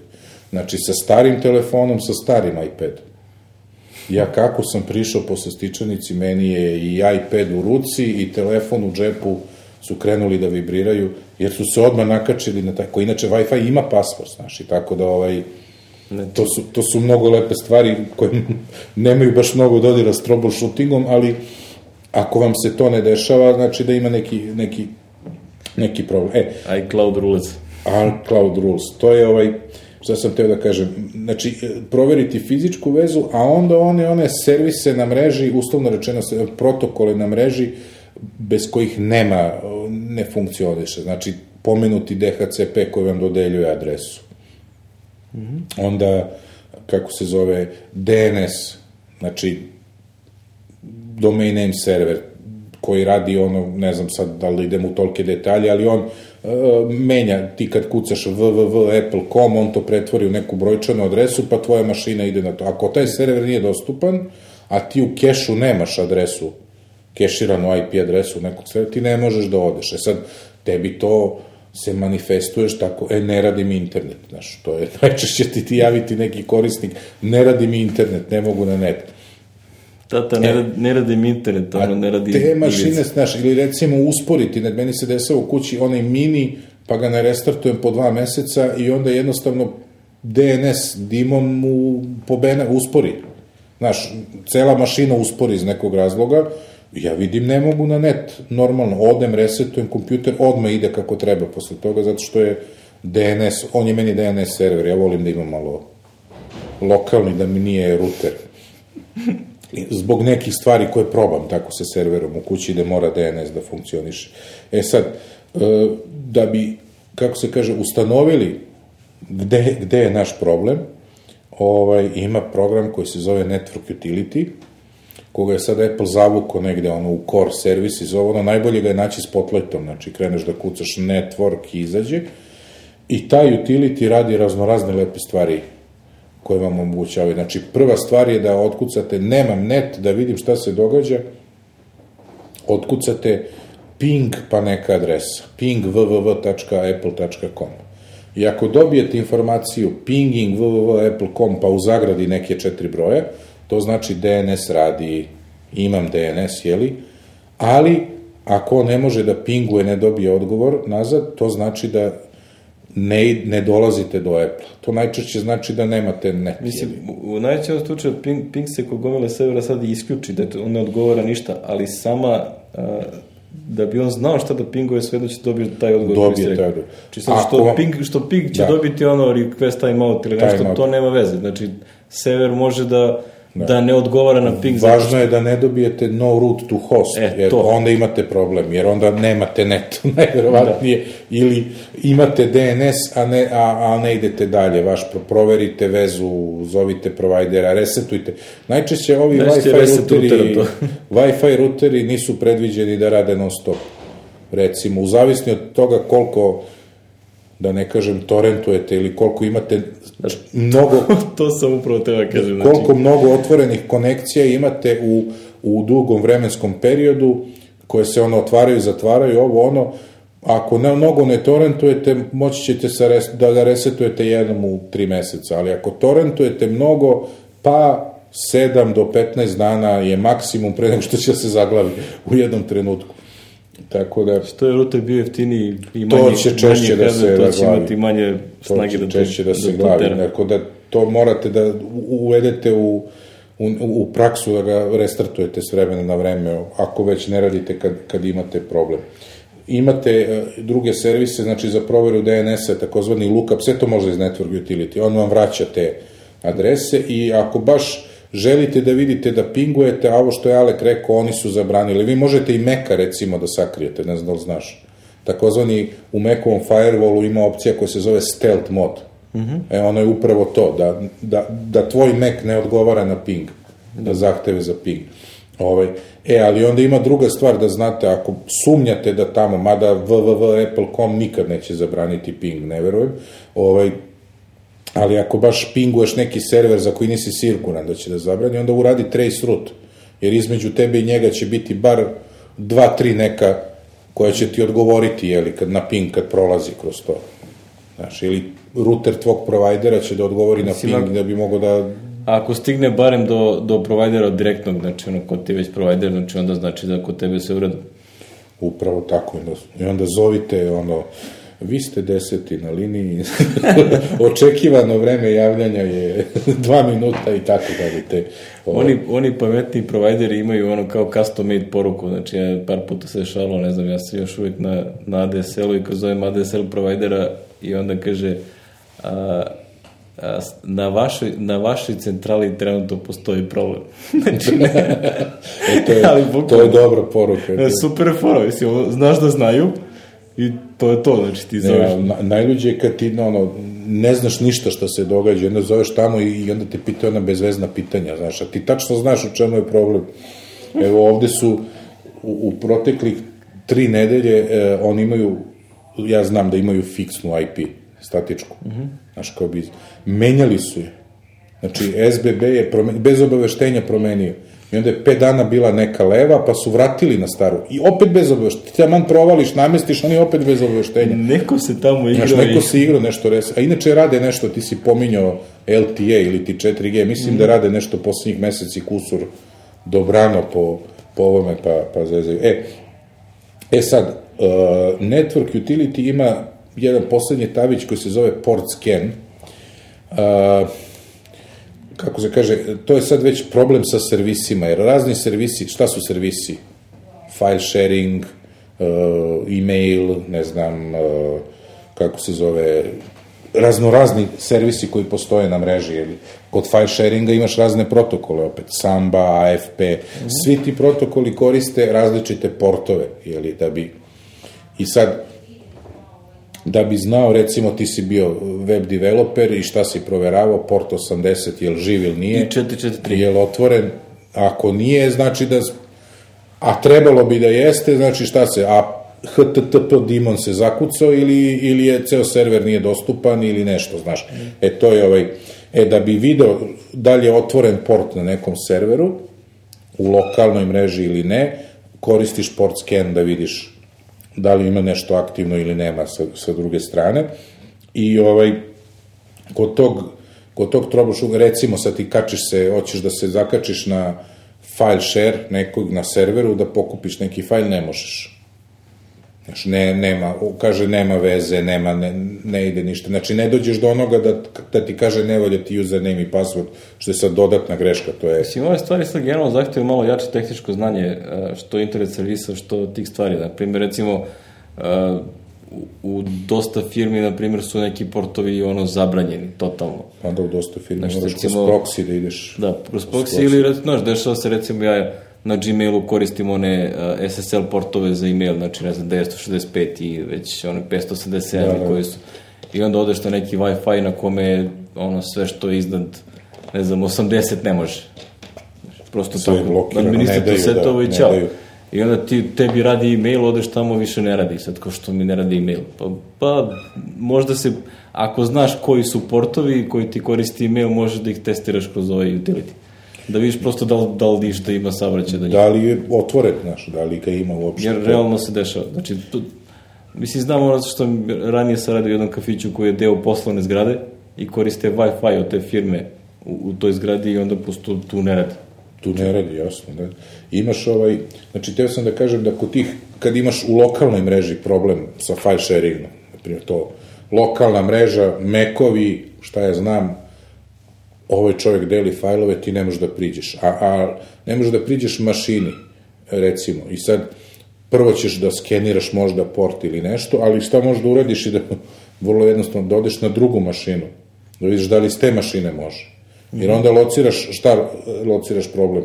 Ako može s te mašine, znači da je problem u tvom klijentskoj mašini, a ne u serveru. Ako ne može ni on, onda je verovatno problem u toj mašini koja hostuje taj, koja je server za taj sharing protokol. Eto, to je ovaj ideja kako se to ovaj, troubleshootuje. Inače, mrežni problemi su vrlo zeznuti. Imate tu svakakve stvari, imate one šta ja znam, pametne svičeve, pa zamenite kablove, pa, pa dođe do toga da jedna mašina dobija IP adresu one prethodne, pa da tu ništa ne radi, onda moraš ceo svič da ugasiš na 10 minut, mislim, na minut, dva da počistite, jer ima onu NVRAM, znaš, koji čuva neko, znači, znaš, toga je bilo, ali to je u ovim većim firmama i to se ljudi koji ima neki već ima neko kome to tu već ima svima. neki Sloba Ljubišić koji će to da pogreši. Ovaj, Tako da, ovaj, ali recimo, uglavnom su to problemi vrlo teški za diagnostiku, znaš, gde je, šta je. Jer moraš, kao što si ti rekao, moraš dobro da poznaješ Da mora da znaš materiju. materiju, jeli, tako da je ovaj, to to, to. Ja bih sad prešao dalje, ako nemaš ništa No. protiv da dodaš. Periferije.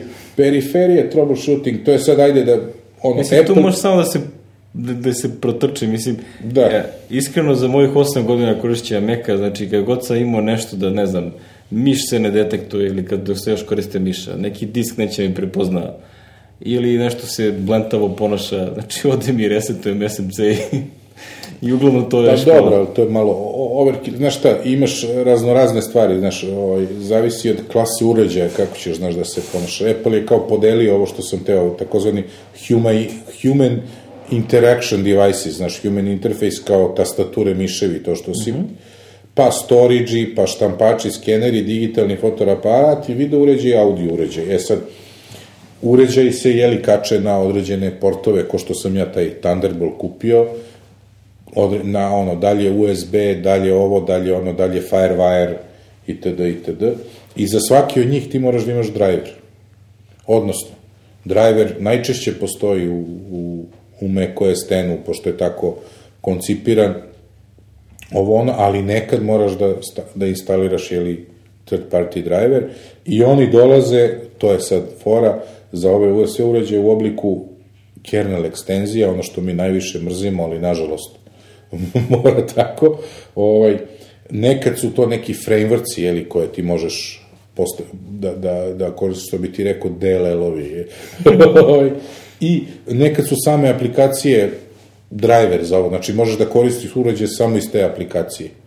Znaš, to je nekad tak, tako definisano. E sad, ovaj, kod tog, kažeš, troubleshootinga za, za, za ovaj, eh, za uređaje, ovaj, kako se zove, mi imamo neki, što se kaže, opet neku kao check listu koju bi mogli da, da kažemo, znaš, jer moraš da znaš u stvari kako je povezan i da li je, e, ista priča važi ono 32-bitno, 64-bitno, jer e, sistem je potpuno 64-bitan i ako ti imaš neki stari uređaj koji ima samo 32-bitni driver, neće raditi.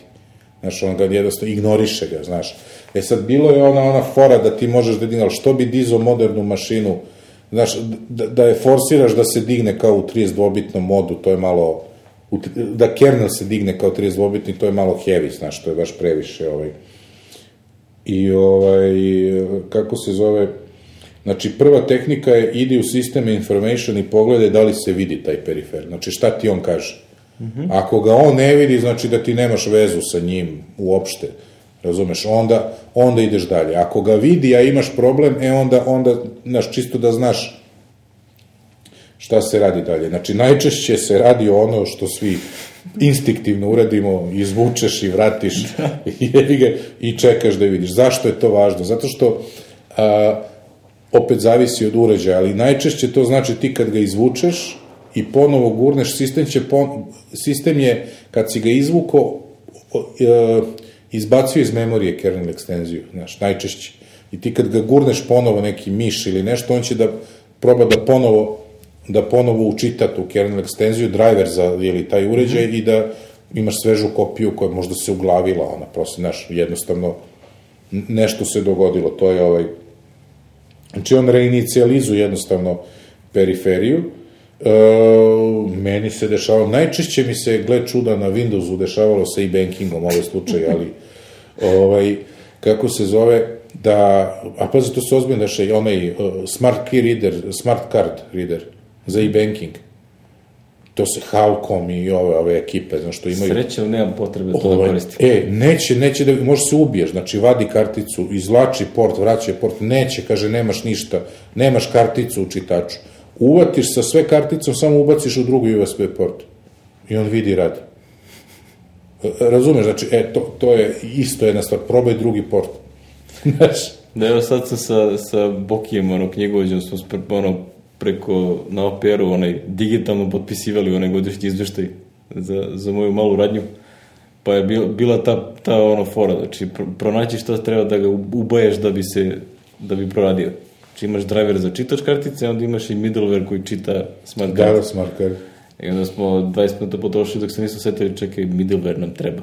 Treba između, da, da, to je, imaš raznoraznih tih egzibicija s tim, to da te ne davim instalirati na sedmici kao non-administrative user mission impossible.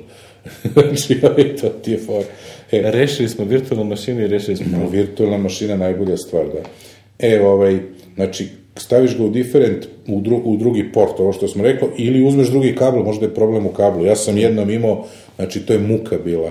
Još u starim Mac-ovima sam imao jedan uh, pazi, desilo mi se na novijim mekovima sa lošim Firewire kablom i to je dao, znaš kako je bilo, kad je samo taj kabel i jedan uređaj, sve je okej. Znači, jedan eksterni disk, ali ja sam imao recimo eksterni snimač Firewire i još jedan eksterni disk sam teo da kačim i taj kabel, gde god je u lancu, pravio problem. Znači, Firewire ti možeš da, ono, daisy chain, on je Da, zamišljen tako kao. Thunderbolt jedan. E, ali ovaj kabel sam za sebe radio. Znači, znaš ti koji sam ja moku, kad sam to provalio, uzao sam makaze, onako isekao sam ga i bacio, da ga slučajno, znaš, onako ostavit ću ga sa strane, ako me, ne, neko nikad više, ovaj, pošto si mi oduzeo jedno, ono, dve godine života dok sam provalio. Znači, to je, zvuči glupo, ali evo ti, to ti primer. Isto sam imao ranije 90-ih sa jednim skazi kablom. Znači, isto, sličnu foru, sad Skazi je isto mogao nešto da izvičen, ali je problem bio u kablu. Znači, ti, jao driver za skener, skener je bio posredi, ja ovo, ja ono, ja neć, pa ne valja skener, pa reklamira i ovo, ono. Na drugoj mašini, sad šta je fora bila, mi kao nesemo na drugu mašinu, ali ta druga mašina ima drugi skener, pa kao taj kabel koristi, tamo radi. I mi kao kako ovo, ono, u čemu je greška? I onda shvatiš iz petog puta, pa čekaj čoveče, mi selimo skener, ali ne selimo kabel. I onda smo ukrstili kablove. znači imaš takve ove, imaš milion stvari koje se dese i da Da, moraš da klasika, proveriš, ono, da pro, probaj sve da vadiš, pali, ga, vadiš, gasiš, pa nešto će da proradi. proradi. I imaš isto ovu foru, ako je na istom basu, znači to je otprilike ovo moje Firewire, jeli on je na istom basu, kaže isključi drugi, možda drugi uređaj na tom istom basu zeza, možda nije tvoj uređaj taj problem, nego je, naš, neki drugi, to Da, je nešto drugo blokira. nešto drugo, znaš. Ovaj, I onda recimo čuveni on USB, znaš kad gurneš ove veće, flash veći od 4 giga je, mislim da i 4 giga je, u, u tastaturu Apple-u. Znaš, ono, USB tastatura, ne ovaj Wi-Fi, gurneš, nisam probao. nisi probao, e, a ovaj, i onda je bilo kao, e, javiš, dobiš poruku, nemam dovoljno struje. Zato što su ti portovi na tastaturi Super, bili kad dobiješ poruku. Znaš, e, ne, ne, javi kao nema struje, ne može, znaš, e, to je, USB ima taj problem sa strujom, pa saberi koliko si uređaja, da li može, da li ne može, itd. itd. E, onda imaš, kako se zove, da isključiš, isključi meka sve periferije i kreni polako jedno po jedno da uključuješ, da startuješ, da lociraš. Da, prosto Koje? da koji od njih ne radi. Probaj ovo što se rekao skener na drugom meku, ali ponesi i kabel. to je ovo jedna. E, onda vidi u software update-u da nema možda neki drovi driver i tako dalje i tako dalje. To su neke od tehnika koje, koje smo primenjivali za diagnostikovanje periferali koje treba primeniti, znaš. To je ovaj, da, e sad, posebni ovi periferali je, su printeri, tu bi se ja malo osvrnuo na ovaj, na, na kako se zove, na, zato što se tu, tu je reč o ovom takozvanom CUP sistemu, ti znaš da je Apple to kupio, ali CUPS, ostavio u open Common Unix Printing System. printing sistem, da. Znači, čitav printing sistem je zasnovan na, na tome. I ovaj, ako imaš problem sa štampanjem, trebalo bi da znaš kojim redom da ideš, a, a da si prethodno isključio nema papira, paper jam, i tako, USB kabel i znaš driver i razne stvari. Ovaj. E, i sad, kad ne znaš šta se događa, ti kad kreneš da štampaš svaki printer u stvari, odnosno svaki onaj printer Q, kako to da nazovem, onaj red za Pokiju. Q, mislim, po srpski Red za- Q, red za čekanje. e, je u stvari mala aplikacija, znaš, i sad proveri u njoj, ona ti najčešće javlja poruku šta, šta printer javlja. Da li je ostao bez tonera, da li je ovo, da li je ono. Možeš, možeš tu da vidiš ovaj, i može da ti kaže da li ima problem sa, sa ovaj, kako se zove, sa u čemu ti javlja problem, da li ima problem sa vezom sa štampačem, znaš, pošto ovaj, i ovaj, proveri onda ove print settinge i page settinge, znaš, dešavalo se, svašta se dešava, ja ne znam da li si dobio one PDF-ove da je A4, A4, pa onda jedna strana je ovako, pa A4, A4, to je umelo da zaglupi neki štampači, ja ne znam kako kreiraju taj PDF, ali, znaš, Misliš ono pomešano pred... pomešan portret i landscape? portret i landscape, da. To nisam... To... tu stvari viđao sam, to je ima kod onih, najčešće kod ovih, uh, kad imaš neku veliku tabelu ili šemu. Pa jeste, pa okrene, da. Onda kaže, probaj da, ovaj, e, isto lepša stvar, najlepa stvar, ono, to smo već pominjali kod Meka, je što mi imamo onaj PDF Znaš, i onda bez trošenja papira i svega možeš da vidiš da li se PDF napravi dobro. Znači, da li sam printing sistem izgeneriše Znači, to je kad se štampa nešto, umjesto da klikneš na print, imaš save as save, PDF. da. I postojiš na Ili pa- preview PDF i onda ga odmah otvori u preview i možeš da vidiš, Mhm. ako to napravi, znači da printing sistem u principu radi posao, imaš neku problem na vezi sa štampačom ili na način na koji štampač ovaj, interpretira taj dokument i tako. I ovaj, onda, kako se kaže, ako neće iz jedne aplikacije, probaj da štampaš iz druge. Na primer, lupam, ajde, ako je reč o PDF-u, ako neće iz preview-a, ja ću da je otvorim u PDF penu i da probam iz nje, na primer, da vidim da li će da štampa. Znaš, da li ova aplikacija ima problem ili ne. Sve u svemu, kako se zove, e, što se kaže, ima tu raznih, znaš, da proveriš hardware, ovo ono, ali imaš dve opcije koje možeš da probaš, znači ništa te ne košta da obrišeš štampač iz sistema i da ga ponovo dodaš. Razumeš, da vidiš da li će to da reši problem. I ima jedna čuna opcija, ko, opcija koju možeš da primjeniš, zove se Reset the Entire Print System, koju dobiješ tako što klikneš na bilo koji štampač desnim klikom u, u, onoj, u sistem preferencama, pa ono printers and scanners, i onda imaš onaj spisak štampača, desni klik i dobiješ reset print sistem i onda će onda pobriše sve u- iz cupsa nanovo da, da kreira tamo vidiš, to Q-e nisam i znao. tamo. E, I možeš da gledaš naravno Korisna stvar. dobra stvar, eto. To je ovaj to je ono što bi rekao oko, oko štampača, tu sam teo malo posebno da, da se osvrnemo, jer to je nešto što se najčešće ovaj, dešava. E sad, reci ti meni, Ale, kaj, ko da te propitujem, ja, ja sam sad ovde, ti Šta sam zapamtio? E, a za ovo moram malo da te propitam. Znaš, ali mi, ovaj, kako, e, hoćeš Apple-ovu diplomu, e, za to moram malo te propitam. E, e, e, znaš ti kako im redosledom ide ovaj, kad se sistem diže, ajde da ti vidim. I šta, šta, šta, šta tu Znam, radi? pritisneš power dugme pa čekaš da se pojavi login screen. Dobro, e, tu ima jesto, kod, kod troubleshootinga nismo rekli, Ogi, ne znam da li to ima ovde, e, to, Ogi bi me kritikovao da to ne kažem. Imaš nešto što se zove post. E, to mu dođe power on, Power on Power system self test. test. self self- test. self E, test. to, to rad, mašina radi samo posle shutdowna, to da znaš. Znači, full, Ako izabereš shutdown. full post moraš da uradiš shutdown i da uključiš mašinu da bi radila. Ili ako ono nasilno isključiš, ako držiš. Da, da. Da, to, ovaj, Znači, restart ne radi full post, tako, to da znaš, kod, vrlo važno kod troubleshootinga ovog, e, ovako, znači, sistem kad krene da, u, kad uključiš to, znači, prvo što se dobije, prvo što se podiže je firmware. Firmware se obično nalazi u Ili za Windows ekipu BIOS. BIOS, da, mada i oni sad polako idu na... Pa imaju oni ovaj prelazi to. Sad će neki Unified EFI nešto ima što će... UEFI? Da, čuo da, da, da, kao standard će da bude, znaš, o, e, diže se firmware koji proverava tako raznorazne stvari i traži gde mu je buter, jeli?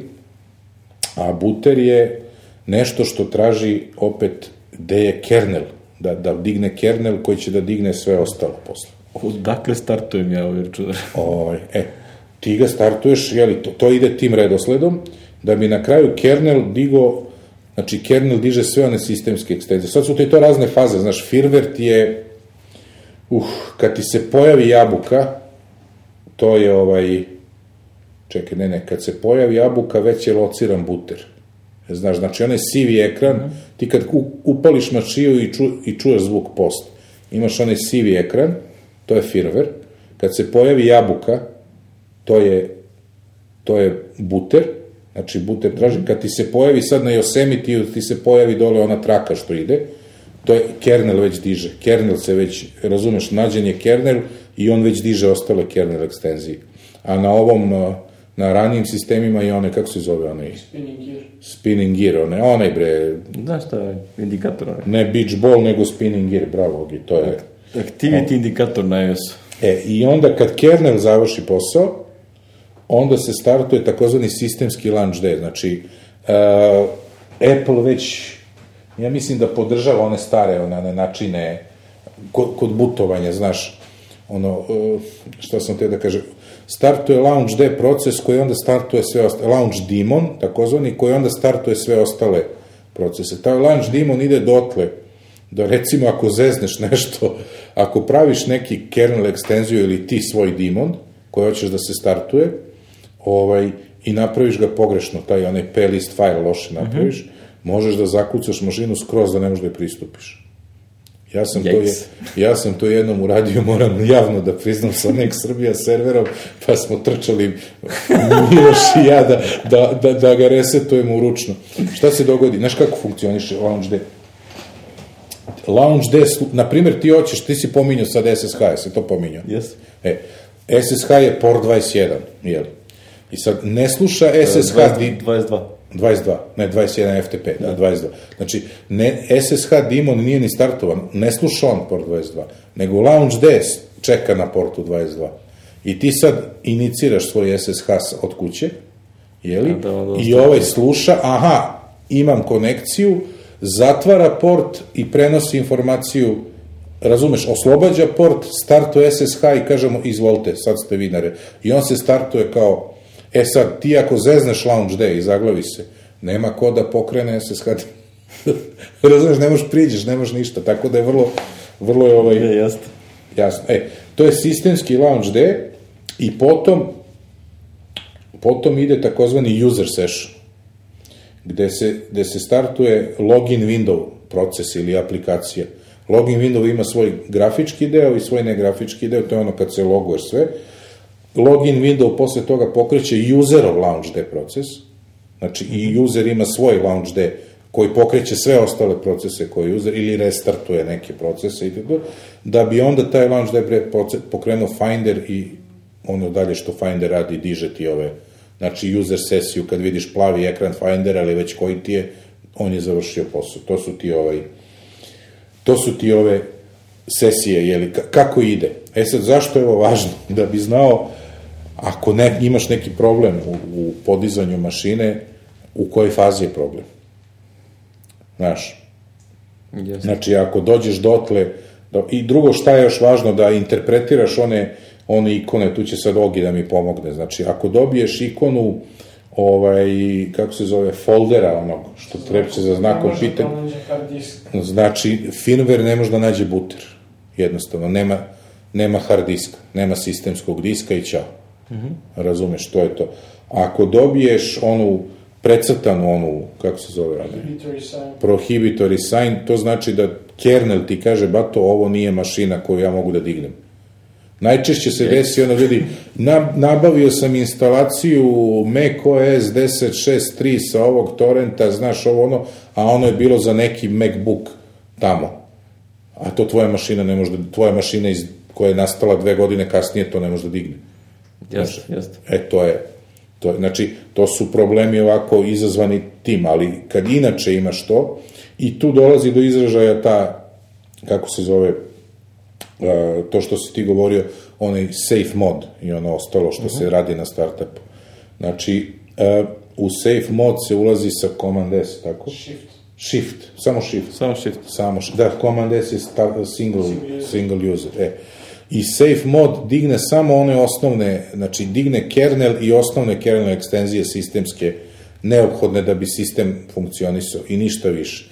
Što će reći, ako imaš problem sa nekim periferijal, na primjer, startuje ti se mašina, imaš zakačen taj hard disk moj, jeli, sa, sa lošim Firewire kablom, mm -hmm. koji mu javlja tu situaciju, znaš, da, da ovaj, znači krene mašina da se diže i u Yosemite-u kernel krene da učitava ono, znači krene da curi ona crtica i tu stane, ne mrda se, i imaš problem s nekom kernel ekstenzijom 99%.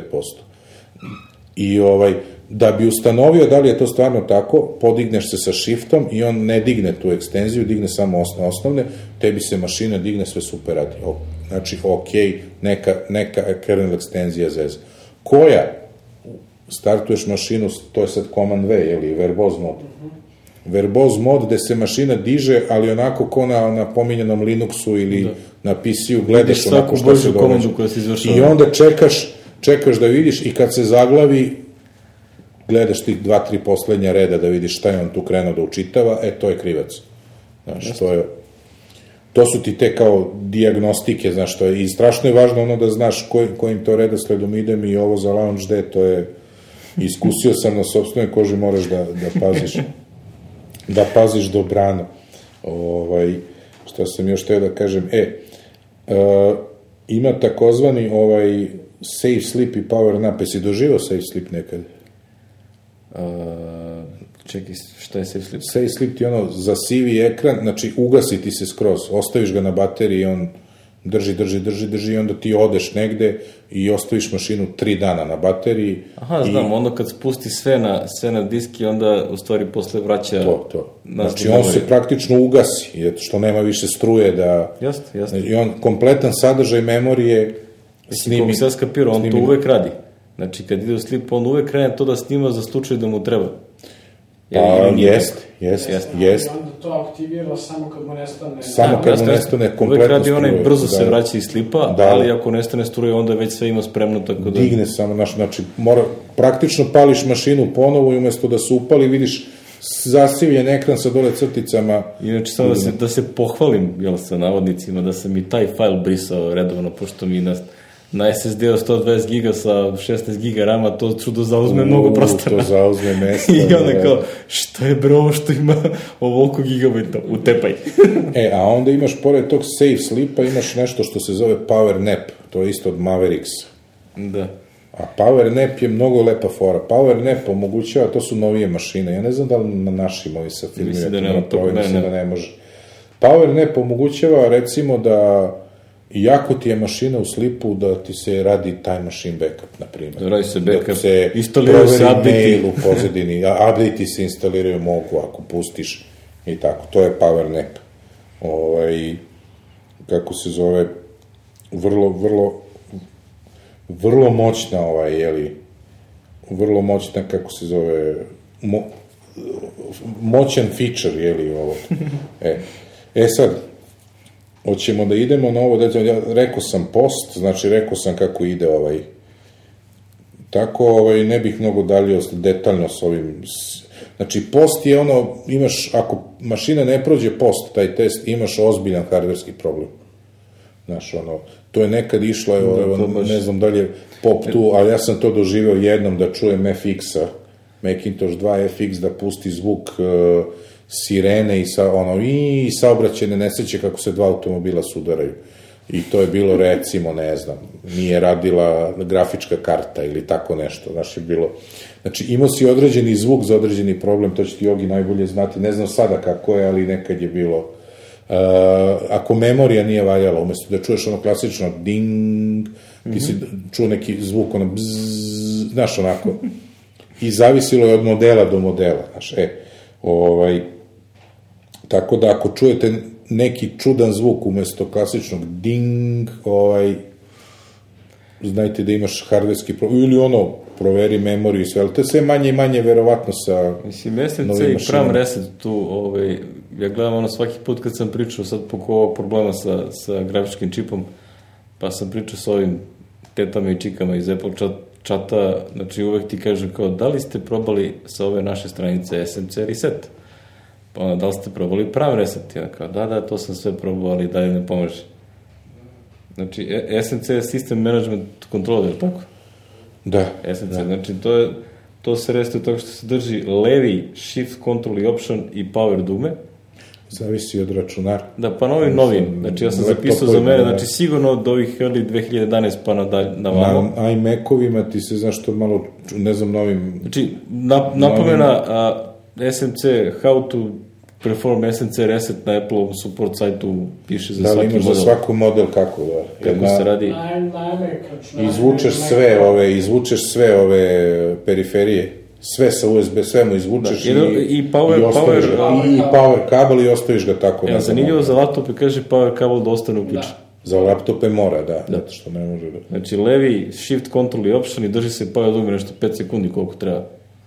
I onda se pusti i opet se pritisne power, to je to. Da, treba voditi računa da se promeni boje na LED diodi na MagSafe adapteru kad se to radi. E, hvala, odličan tip. Tako da imaš, da znači, da gledaš. gledaš u adapter i kada bi on promenio boju, odi u naranđasto, pa se vrati u zeleno. To znači da je resetova srca. E, Dobra informacija, više. To već nisi imao pojem. Znači, u principu ja se gledam ovde da ne idem u detalje, ako imaš problem sa ovom sistem inicijalizacijom, znači sve dok dolaziš dotle da možeš da kako se zove, da, da dođeš do Findera, super. znaš, ovaj, možeš da rešiš problem. Znaš, ako imaš problem na nivou kernela ili, ne daj Bože, ovo, ovo ranije, ne gine ti reinstalacija. To- Gde se vraćamo na naš onaj osnovni, našu epizodu broj 2, Backup. backup, i backup, bez toga nikako. Bez Ovo- backupa ništa, znači to je... Kad god ima ovakvih problema. ovakvih problema. Ti će, može da možeš da priđeš disku, možda ne možeš, sve u svemu bolje da imaš backup nego da ga nemaš. Ovaj, to je osnovno, osnovno pravilo. E sad, što se dalje naše priče tiče, ja bi došao, završio sada ovo i prešli na naše ove preporuke i kritike i, i loše iskustva koja smo neka naveli ili Pre, ne. pre svega, znači, ono, vidim da si ti ovde stavio u, u napomen ovaj Mac Keeper, znači, to, to, To čudo, to je, ja ne znam kako oni, želju od koliko oni prepada. zarađuju para, znači, to je, brate, E, nema da ih nema. nestvarno koliko se dosadni reklamira. Znači, nestvarno, znači, ja ne znam koliko oni troše na reklamu, vjerojatno im se isplati na neku foru, to je nevjerovatan spam. Pazi, pomenuti... pomenut, Mac Keeper, K-E-P-R, znači, to kad vidite, nikako bežite glavom bez bežite obzira. glavom bez obzira. Ma koliko vam izgledao da radi dobru stvar, lepu stvar. Odmah na drugo mesto bi stavio ove razne što pokušavaju da prodaju antivirus salate za Mac. A u to da, to nisam ni stavio ovde, Znači, ali to, to smatram ono... Pogotovo isti ti što Ovo. pokušavaju da to prodaju za iOS. Znači, to Tek je tek to, da, da, fantastična tek to, fora. to je tek, da. Znači, to ne treba nikome, nemojte da koristite. Antivirus na Macu je uz, uh, kako se kaže, uz pretpostavku da radite ono što sam naveo, da ste standard user, da ste ovo, da ste ono, da pazite ko, I da ne instalirate piratski. Znači- I ne instalirate piratski softver i ne klikćete na Mac Keeper i tako razno razne ponude koje mi izlaze u browseru. Ja mislim, ge- generalno Vama ne 90% treba. svih virusa koje se ja vidio ikada se spominju sa Macom su nastali tako što prosto kad instaliraš neki softver koji je piratovan, ti onda daš tom instala, instaleru pravo da pišeš šta god hoćeš. Piše šta hoće, Launch da. demon i koje Lažni torrent I onda on ubaci neki trojanac ili nešto. to lažni torrenti koji imaju lepa najnovija verzija Adobe Apsolutno. Creative Suite samo 2 giga. Pa ti odeš ili samo nešto ti odeš, a on ti u stvari stavi svašta, tako da ovaj, treba to paziti. Nismo mnogo se obraćali na security. Mislim da je to u našem ali okruženju jako ovaj, Ja nemam antivirus, antivirus na Macu, nisam imao nikad, niti ću imati. Imam instaliran onaj Clam X, X kako se zove, Clam AV je onaj Ne znam šta je to. open source antivirus neki, imaš, imaš port za Maca graf, s grafičkom okolinom, čisto ono da budem onako, da proverim ponekad nešto, ali ne startujem, a oni što automatski skeniraju, pa u memori, što to meni i na PC-u nervira, uspori bre, čudo neko i ovaj, znaš, javljaju mi se klijenti, ovi sa 4D-om, jao nešto nam ne radi ovo ono na serveru, oni na serveru gde samo baza radi, baza, baza radi ovaj, kako se zove, e, drže, znači imaju server samo s 4D bazom i drže antivirus za tu istu bazu, što je meni nejasno zašto, koja ono da svaki put kad ti hoćeš nešto da otvoriš, ona ovaj, kako se zove, proverava u memoriji i tako.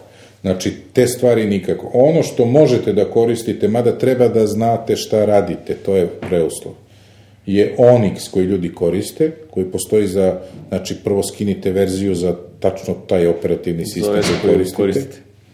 ovaj, i, i proverite šta se tu radi. Znači, nemojte nasumične, e, hoću da mi očisti mašinu, pa će on, znači, ovaj, mnoge stvari se rešavaju, recimo, to nismo rekli kod tih kernel ekstenzija, imaš cache, recimo, kernel ekstenzije. Razumeš, i neke stvari kod startapa se rešavaju tako što počistiš cache. Kako čistiš cache? Ovog je rekao, dignemo se u ovom single user modu. Se, razumeš? Save boot isto čisti keš, je tako? Da. Ili, razumeš? I ovaj, počistiš keš i probaš tako. To može Onyx da ti uradi isto za tebe, ali moraš da, znači, nemoj da startuješ ono što nisi siguran, je li da, da, ovaj, da nije. Tako, rekli Vidim da si stavio napadno da te Clean My Mac, takođe. U, jedan od jedno me zezno na Leopardu mi je ono mašinu, teo sam da uštedim 5 GB mesta na disku koliko je javio da može i ostao sam s mašinom koja ne može se podigne. Sam, E, i tu me spaslo to što sam i tad imao, jeli, home folder na drugoj partici, razumeš, pa nisam morao da vraćam iz backupa ili šta Ja, je, znaš. ja imam instaliran Kill My Mac, ovaj, vidim porojeno mi se pojavi ono tipa, kad, kad Vaš izađe trash. nova verzija X koda, pa iskopiram onaj prethodni od 5 Mhm. giga, ga vratim, ono, ode u trash, i onda se on helpful javi, ono, kao, e, vidim da imaš, Imaš u trashu, u pa da ja to obrišem. Dobro, ajde. Pa dobro, za to mi ne treba. Mislim, meni to, on me je, ono, kažem, zezno i, i više ga ne, ne koristim, čak i ljudima kažem, nemojte šta će vam, ali dobro. To je, ima- ti si ima- imao mali SSD, pretpostavljam. da, 120 giga. Pa da, to je. Znači ima, ima ovde, recimo baš kad si ponao male SSD-ove, znači ono, ako hoćete da vidite zauzeće, pro, ono, šta gde je zauzeto na disku, ja mnogo, mnogo mi se sviđa programče Daisy Disk. E, ima, ono, kup, kupio sam obe verzije aktualno Daisy Disk 2, ja mislim.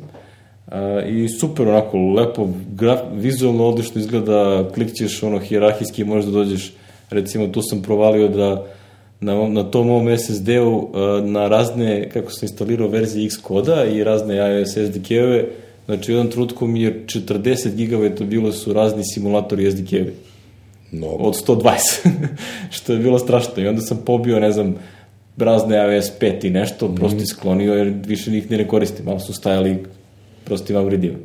Tako da to, to je dok, dok se Xcode instalirao ručno. Sad kad se instalira sa App Store-a, on to sam uradi. Znači, pobijeti to. da idemo dalje, da na brzaka pređemo. Znači, ono što preporučujem, kogod održava mekove ili ovo, trebalo bi da ima u svojoj bateriji programa Touch Tool Pro. To je dugogodišnji alat za diagnostiku i sređivanje, optimizaciju na Macu, on postoji 20 godina sigurno, ako ne više. Nedavno je izašla verzija 8. Uh, Disk Warrior, znači ono što Disk Utility ne može da popravi, treba će vam Disk Warrior, verujte. Stvorio Znači, low level analytic. Tako, i tu je nedavno izašla verzija 5. Onda postoji softver koji se zove Drive Genius, on je sličan Touch Tool Pro. Uh pravi ga ista firma koja pravi najpoznatiji softver za ono undelete, znaš, kad obrišeš nešto pa greškom počeš da vratiš koji se zove Data Rescue, firma se zove ProSoft Engineering. I ti si pominjao, jeli, iStat Menus je isto i moj favorit, ja ga imam na, na svim mojim mašinama, kupio sam onaj Family Pack. To je ono aus- australijske firme Biango uh, ili Bijango, kako se to čita. Ovaj super programče ovaj stoji u, u meniju, bi, može se izabere tuštno i pa opcija šta će u menu baru ovaj, da, da prikazuje. A najčešća funkcija koju ja tu koristim je kontrola uh, brzinog kretanja ventilatora. Aha, da bi... Da, zato što po defaultu na Macu se okreću na 2000 obrtaja, a ja sam ono, čisto empirijski ustanovio da čak i kad je tišina u sobi, ako ih stavim recimo na 3000, ovaj, da će dalje da budu dovoljno nečuni, a bolje hlade. Znači ono, 30, ono, to je za Da. 50% više, tako da bolje. Već Ja- na 4000 se već čuju, ako sam u kafiću ni to se ne čuje. Ja ga koristim samo ono da vidim diagnostiku, temperaturu, ovo ono i ima dobru foru kad stavim ga, staviš na server neki koji održavaš, pa on ima onu iOS aplikaciju da vidiš stanje servera i tako, to je. Da, jeste, ima, E. ima, super stvar.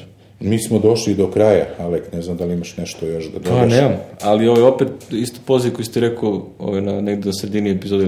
početku, Javite nam znači, šta bi želeli da a, čujete. o, ovo je generalno tema koju, kažem, a, a, malo je pomalo suvoparna kad se sluša, ali kada zatreba bude jako korisna. Ja ću se potruditi kada budemo imali MP3 i ostalo da uhvatim a, tačno ono momentu u kojima o nečemu pričamo, tipa ovaj printer, periferal, sistem i tako dalje, da to zabeležimo u show notes, tako da će stajati da ljudi mogu da, da nađu lako, da ne preslušavaju, ne znam, sad tipa da bi našli onih pet minuta što ih zanima.